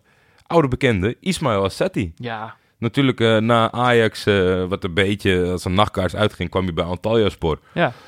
Ging heel lang goed. Op het einde vormdipje en een blessure. Toen belandde hij in, eh in Tsjetsjenië, geloof ik, of zo, in die Russische competitie. Dacht ik, ah, een beetje zonde. Ja, Toen kwam hij terug naar Turkije op, Ja. op een of andere manier, want hij begon bij Antalyaspor destijds ook fantastisch. En ik zat ook te kijken, de laatste jaren amper geblesseerd. Hij heeft dit, deze, dit seizoen één wedstrijd gemist. Voor de rest altijd 87 minuten of meer gespeeld. Dus eigenlijk gewoon alle wedstrijden 90 minuten. En eh, hij is de maestro van Dennis de Sport, die is gepromoveerd. Oh, wat leuk. Dus hij gaat Ja. nu naar het hoogste niveau. Hij gaat naar het hoogste niveau. Gaat, Moet eh, dan kijken of eh, dat in Turkije is dat eh, nog veel intenser dan als je van Championship promoveert. Dat je gewoon Oh ja. zegt, dankjewel trainer, 22 man, wegwezen. We kopen 22 Ja? nieuwe. Maar... eh, Als je zoveel hebt gespeeld. Dennis die was wel eh, volgens mij eh, een beetje honkvast qua spelers de laatste jaren. Die zat er steeds tegenaan. Maar ik, eh, ik vind het tof eh, om te horen, Ah. zien dat eh, het goed gaat met Aysati. Precies. Ik heb toch warme gevoelens bij die jongen. Ik ook. Ik Ik gun hem ook. het allerbeste. Volgens mij was het thuis tegen Marseille. Dat was zo'n goede wedstrijd van hem. Ja. Maar hij heeft het, ja, dat kwam niet heel vaak eruit. Nee. Maar ja, dan blijkbaar dus toch op een iets ander niveau. Ja, en als hij daar gelukkig is. Ik hoop niet dat hij dan zeg maar nu weggebonjourd wordt en dan weer op dat niveau Nee. blijft. Dat hij dan daar weer de, de moet helpen promoveren. Maar dat hij gewoon even weer een seizoentje op het niveau wat ik hem toch wel toedicht eh, kan Ja. acteren. Ja. Bijnamen check. Ik zag deze week voorbij komen Frank Lanta. Ja. Dat is eh, de hashtag voor het, voor het voetbal en de oefenmeester in één, denk ik. Nou ja, kijk. Frank de Boer is natuurlijk trainer in Atlanta. Klopt. Hij, heeft het, hij heeft het inmiddels ook weer op de rit. Klopt dus dan, wordt het tijd voor een hashtag. Ja, eh, Blijkbaar. Maar waar komt deze hashtag precies vandaan? eh, de, volgens mij, want de, de, de, Frank Lenta. Het ging om of hij al op Wikipedia mocht, omdat er in een artikel volgens mij via Blendel eh, stond de kop erboven, Frank Lenta. Uh-huh. En hij is bedacht eh, door de jongens van de Grote Sokkershow, Ah. wat een, eh, een MLS-podcast is. Ja, wij hebben natuurlijk ervaring met het bedenken van bijnamen en, eh, en, en conflicten met Wikipedia. Ja, het enige wat ik, ik kan zeggen is dat het compleet onduidelijk is wanneer iets officieel een bijnaam is. Ik niet. vond het wel tof om te zien bij de remontada van Liverpool, dat toch wel heel veel mensen de kuif waren om Ja, te omarmd hebben. Tuurlijk, maar Frank Hij begon wel als een postduif. het was echt heel kloten voor onze machtige kuifharen dat hij zo slecht Ja, zo slecht. Maar ja, ik bedoel, misschien gaat hij in de finale nog wel wat doen. Je weet Ik het hoop niet. het. Schrijf hem nooit af. Maar Frank Lenta, ik moet zeggen... Kijk, ik vind, het, ik vind het leuk dat hij het goed doet. Maar wat ik nog niet helemaal snap aan die bijnaam... Kijk, nu ik hoor dat, dat die jongens van de, de, de, de Soccer Show het hebben bedacht... Ik dacht in eerste instantie dat het, dat het Amerikanen waren. Ja. Dus ik dacht, ik, wat ik eigenlijk niet snap... Is het de bijnaam voor, voor Frank de Boer? Of is het de bijnaam voor Atlanta United? Dat weet ik eigenlijk nog niet. zeg maar. ja, ik denk dat het toch wel meer op de boer is, omdat het... eh, ja, Maar Frank de Boer heet dan Frank keizerbal Lenta. is meer, de, meer de, de vorm van het spel. En Frank Lenta is dat hij nu zijn stempel heeft gedrukt en dat het Frank's Atlanta is. Mm, Oké, Denk ah, ik, oké, denk ik. oké, oké. Nou, ik, ben, ik vind hem eigenlijk wel top. Ik vind hem wel leuk. Laten we die erin houden. Hij heeft gewonnen van Orlando. Ja, Dus eh, hij heeft het helemaal op de rit. tot slot, kleedkamer Huber bestaat anno 2019 nog en kan zelfs nog wel eens leuk zijn. Oh? Want Over het algemeen, ja, ziet, Heeft er weer iemand pindakaas in zijn onderbroek? eh, heet spul in, in de onderbroek. Nee, ja, eh, de spelers van Lille. Lille is natuurlijk redelijk verrast, want hij heeft zich gekwalificeerd eh, voor de Champions League in eh, Mhm. Frankrijk. Ze maakten een filmpje na de wedstrijd met iemand had de jingle opgezet van de Champions League hymne. ja. stonden ze zo op een rijtje. hoe je altijd gefilmd wordt, zeg maar, zo leuk. voorlangs. Ik, ik, ja, zo, je moet nooit filmpjes uitleggen. Mensen zoeken gewoon op Lille Champions League. Het is hartstikke leuk. Ik weet zeker dat je gaat lachen, maar ik kan het niet overbrengen. En echt leuk dat die, dat die ploeg Europa in gaat. Gaan ze direct eigenlijk? Hoe zit dat in Frankrijk? Eh, zij zijn tweede geworden, dus ik neem aan dat dat directe plaatsing is.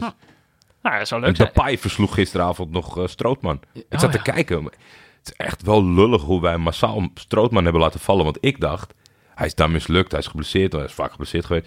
Er is iets waarom wij nooit iets horen van Strootman. Maar toen keek ik vanochtend, hij speelt elke week. Ja, nee, maar Er is echt niemand. Het lijkt wel of mensen hem moedwillig negeren. het is elke... Hij zit in geen verslag. Normaal zie je altijd, als, Ja. als een Nederlander in Oezbekistan een corner neemt, dan staat er nog wel ergens een dik gedrukt woord. Hé, hey, weet je die nog? Die, die Ja. maakte van de week een corner. Maar elke, elke wederopstanding heeft ook zijn slachtoffers. En de wederopstanding van het Nederlands voetbal is, is inherent verbonden aan, de, aan, aan het negeren van Kevin Ah, het, was ook wel, het was ook wel voorspelbaar dat eh, de man met de bijnaam van wasmachine het eerst zou sneuvelen als Oranje het weer goed deed. Arme jongen. Ja, ja, ja, ja, ja. Maar ja, leuk dat Lille eh, de Champions League ingaat. Ik hoop dat ze, eh, dat ze wat jongens weten te behouden, toch? Want die Pepe zal wel weer weggaan. Ja. En dan, ja, ik bedoel, dan, dan kan het zomaar gebeuren dat je met de club die met een net niet club in de Champions League komt. Ja, ja, En ja. dan is het helemaal niet leuk. Nee, dat is ook zeker. eh, dat, ik kijk, kijk er nu al niet uit naar de Champions League deelname van Galatasaray, kan ik je vertellen.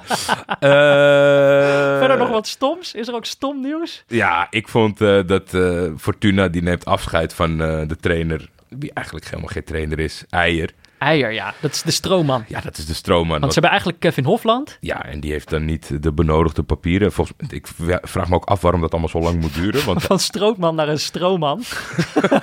hij had, Eier. eh, eh, eh, hij, had, hij had die papieren al niet. Want eerst hadden ze een Portugees. Mhm. Die was dan de stroomman. Maar Ja. ik denk, ja, dat is wel handig. Niemand verstaat hem. Laat hem maar in de dugout roepen. Kevin vertaalt het wel Ja, gewoon. als hij er goed uitziet in een pak. Ja, toch? Dan heb je hem. En toen hadden ze René Eier. En ze hebben dan in overleg afscheid van elkaar genomen. En eh, Fortuna is dan een beetje positief. En Re- René Eier is dan een beetje positief. Maar het is eigenlijk gewoon een beetje pijnlijk. Want ja, Ze hebben het gered. dat is heel knap. Dat is het, dat is het René Eier effect. Maar Eier zelf kwam met pijn in het hart tot diezelfde conclusie. Voor volgend seizoen vinden er een aantal structurele veranderingen plaats. Onder andere om de kwaliteit van de trainingen naar een hoger plan te tillen. Ja. Dat houdt onder meer in dat er meer veldwerk nodig gaat zijn. En dat moet, ik ook als, eh, dat moet ook van de hoofdtrainer komen. Die moet dus een soort dubbelrol gaan spelen. Ik kan me weliswaar zonder moeite op het veld begeven. Maar als er zaken voorgedaan moeten worden, dan moet ik afhaken. Oh. Dat is geen goede reclame voor jezelf, René. Ik denk ook niet dat ze in de rij staan voor een nee-date. Maar ik vind het heel nobel, Jordi, dat je in een, in een, in een toch wel redelijk traumatische week voor een Ajax-supporter, dat je dit als stom nieuws hebt uitgekozen. Ja, het lot van René Eier. Ja, oké, prachtig. Jij vond Ajax stomme? Ja. Oké, dan eh, gaan we nog even kijken. Wat zullen we volgende week kijken? Eh, Ik, eh, ik zag gewoon een hele leuke optie Ja. binnenkomen van Mat, M- Mats, die noemt zich al Twitter noemt hij zich Matsraoui. Vind ik leuk. Vind, ja, vind ik ook wel leuk. Ik hoop dat Noes blijft trouwens. Maar hij had een tip. Hij zei, we noemden het net al, Tondela. Ja, de Portugese competitie spelen Tondela en Chaves een, een wedstrijd om directe, directe degradatie. Ja. Dus dat is echt, weet je wel, degene dat vind ik wel. En het is de laatste. Ja. En ze hebben allebei evenveel punten. Ja, volgens Ja, mij wel. ja, allebei evenveel punten. 32 punten. Min 20 tegen min 17.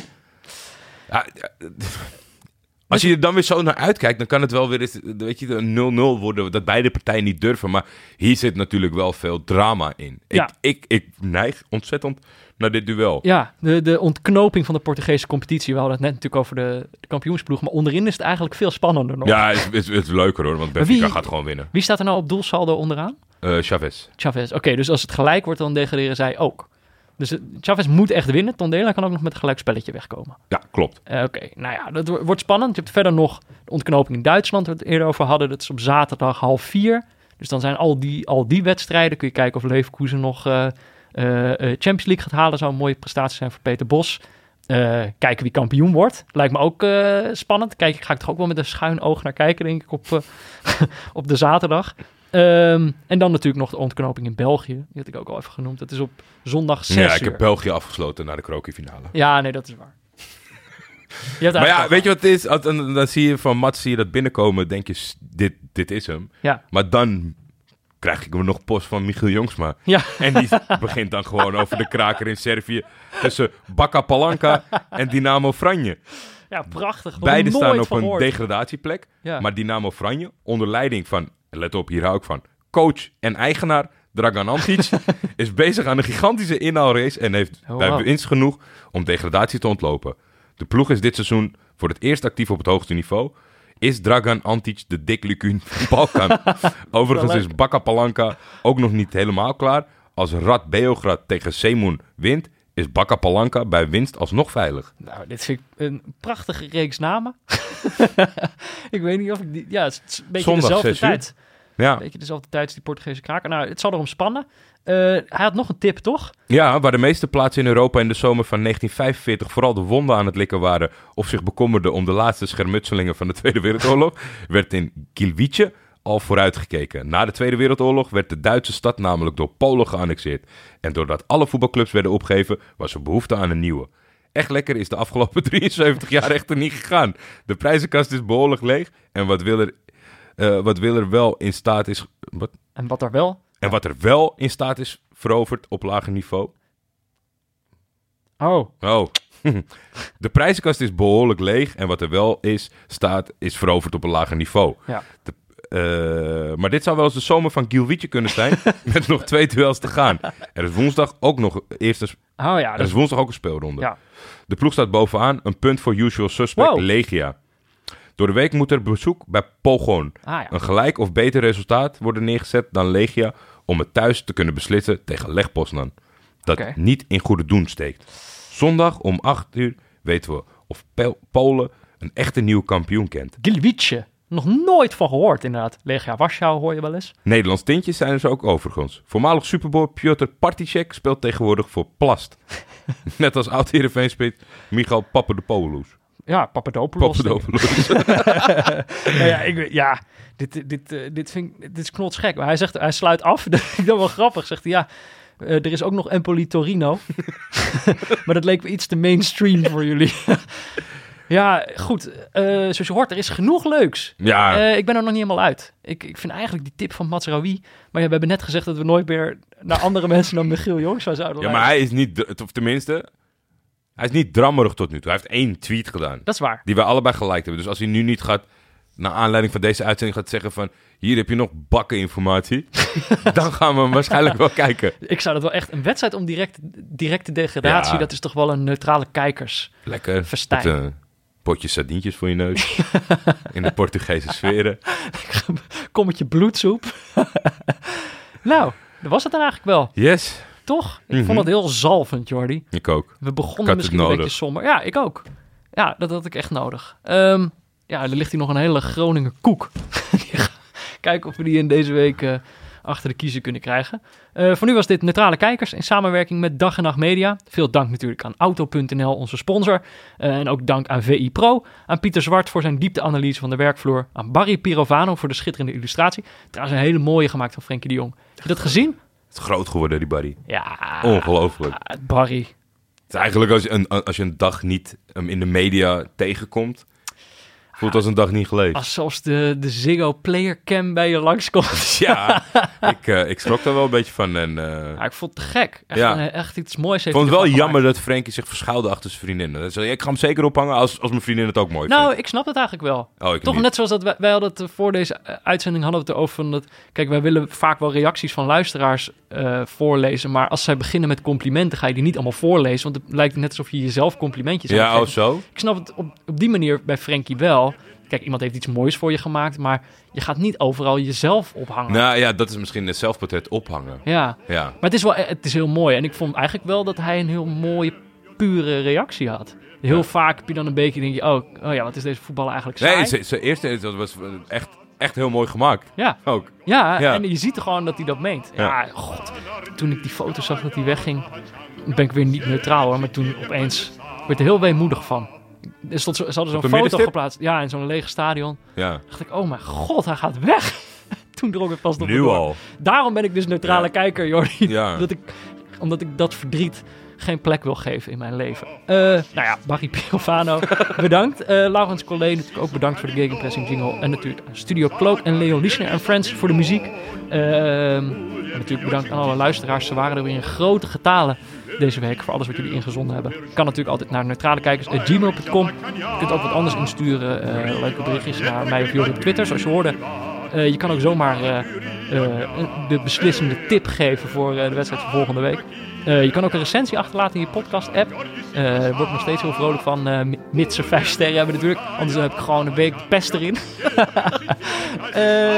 Volgende week zijn we er weer. Tot dan, Jordi. Tot dan, Peter.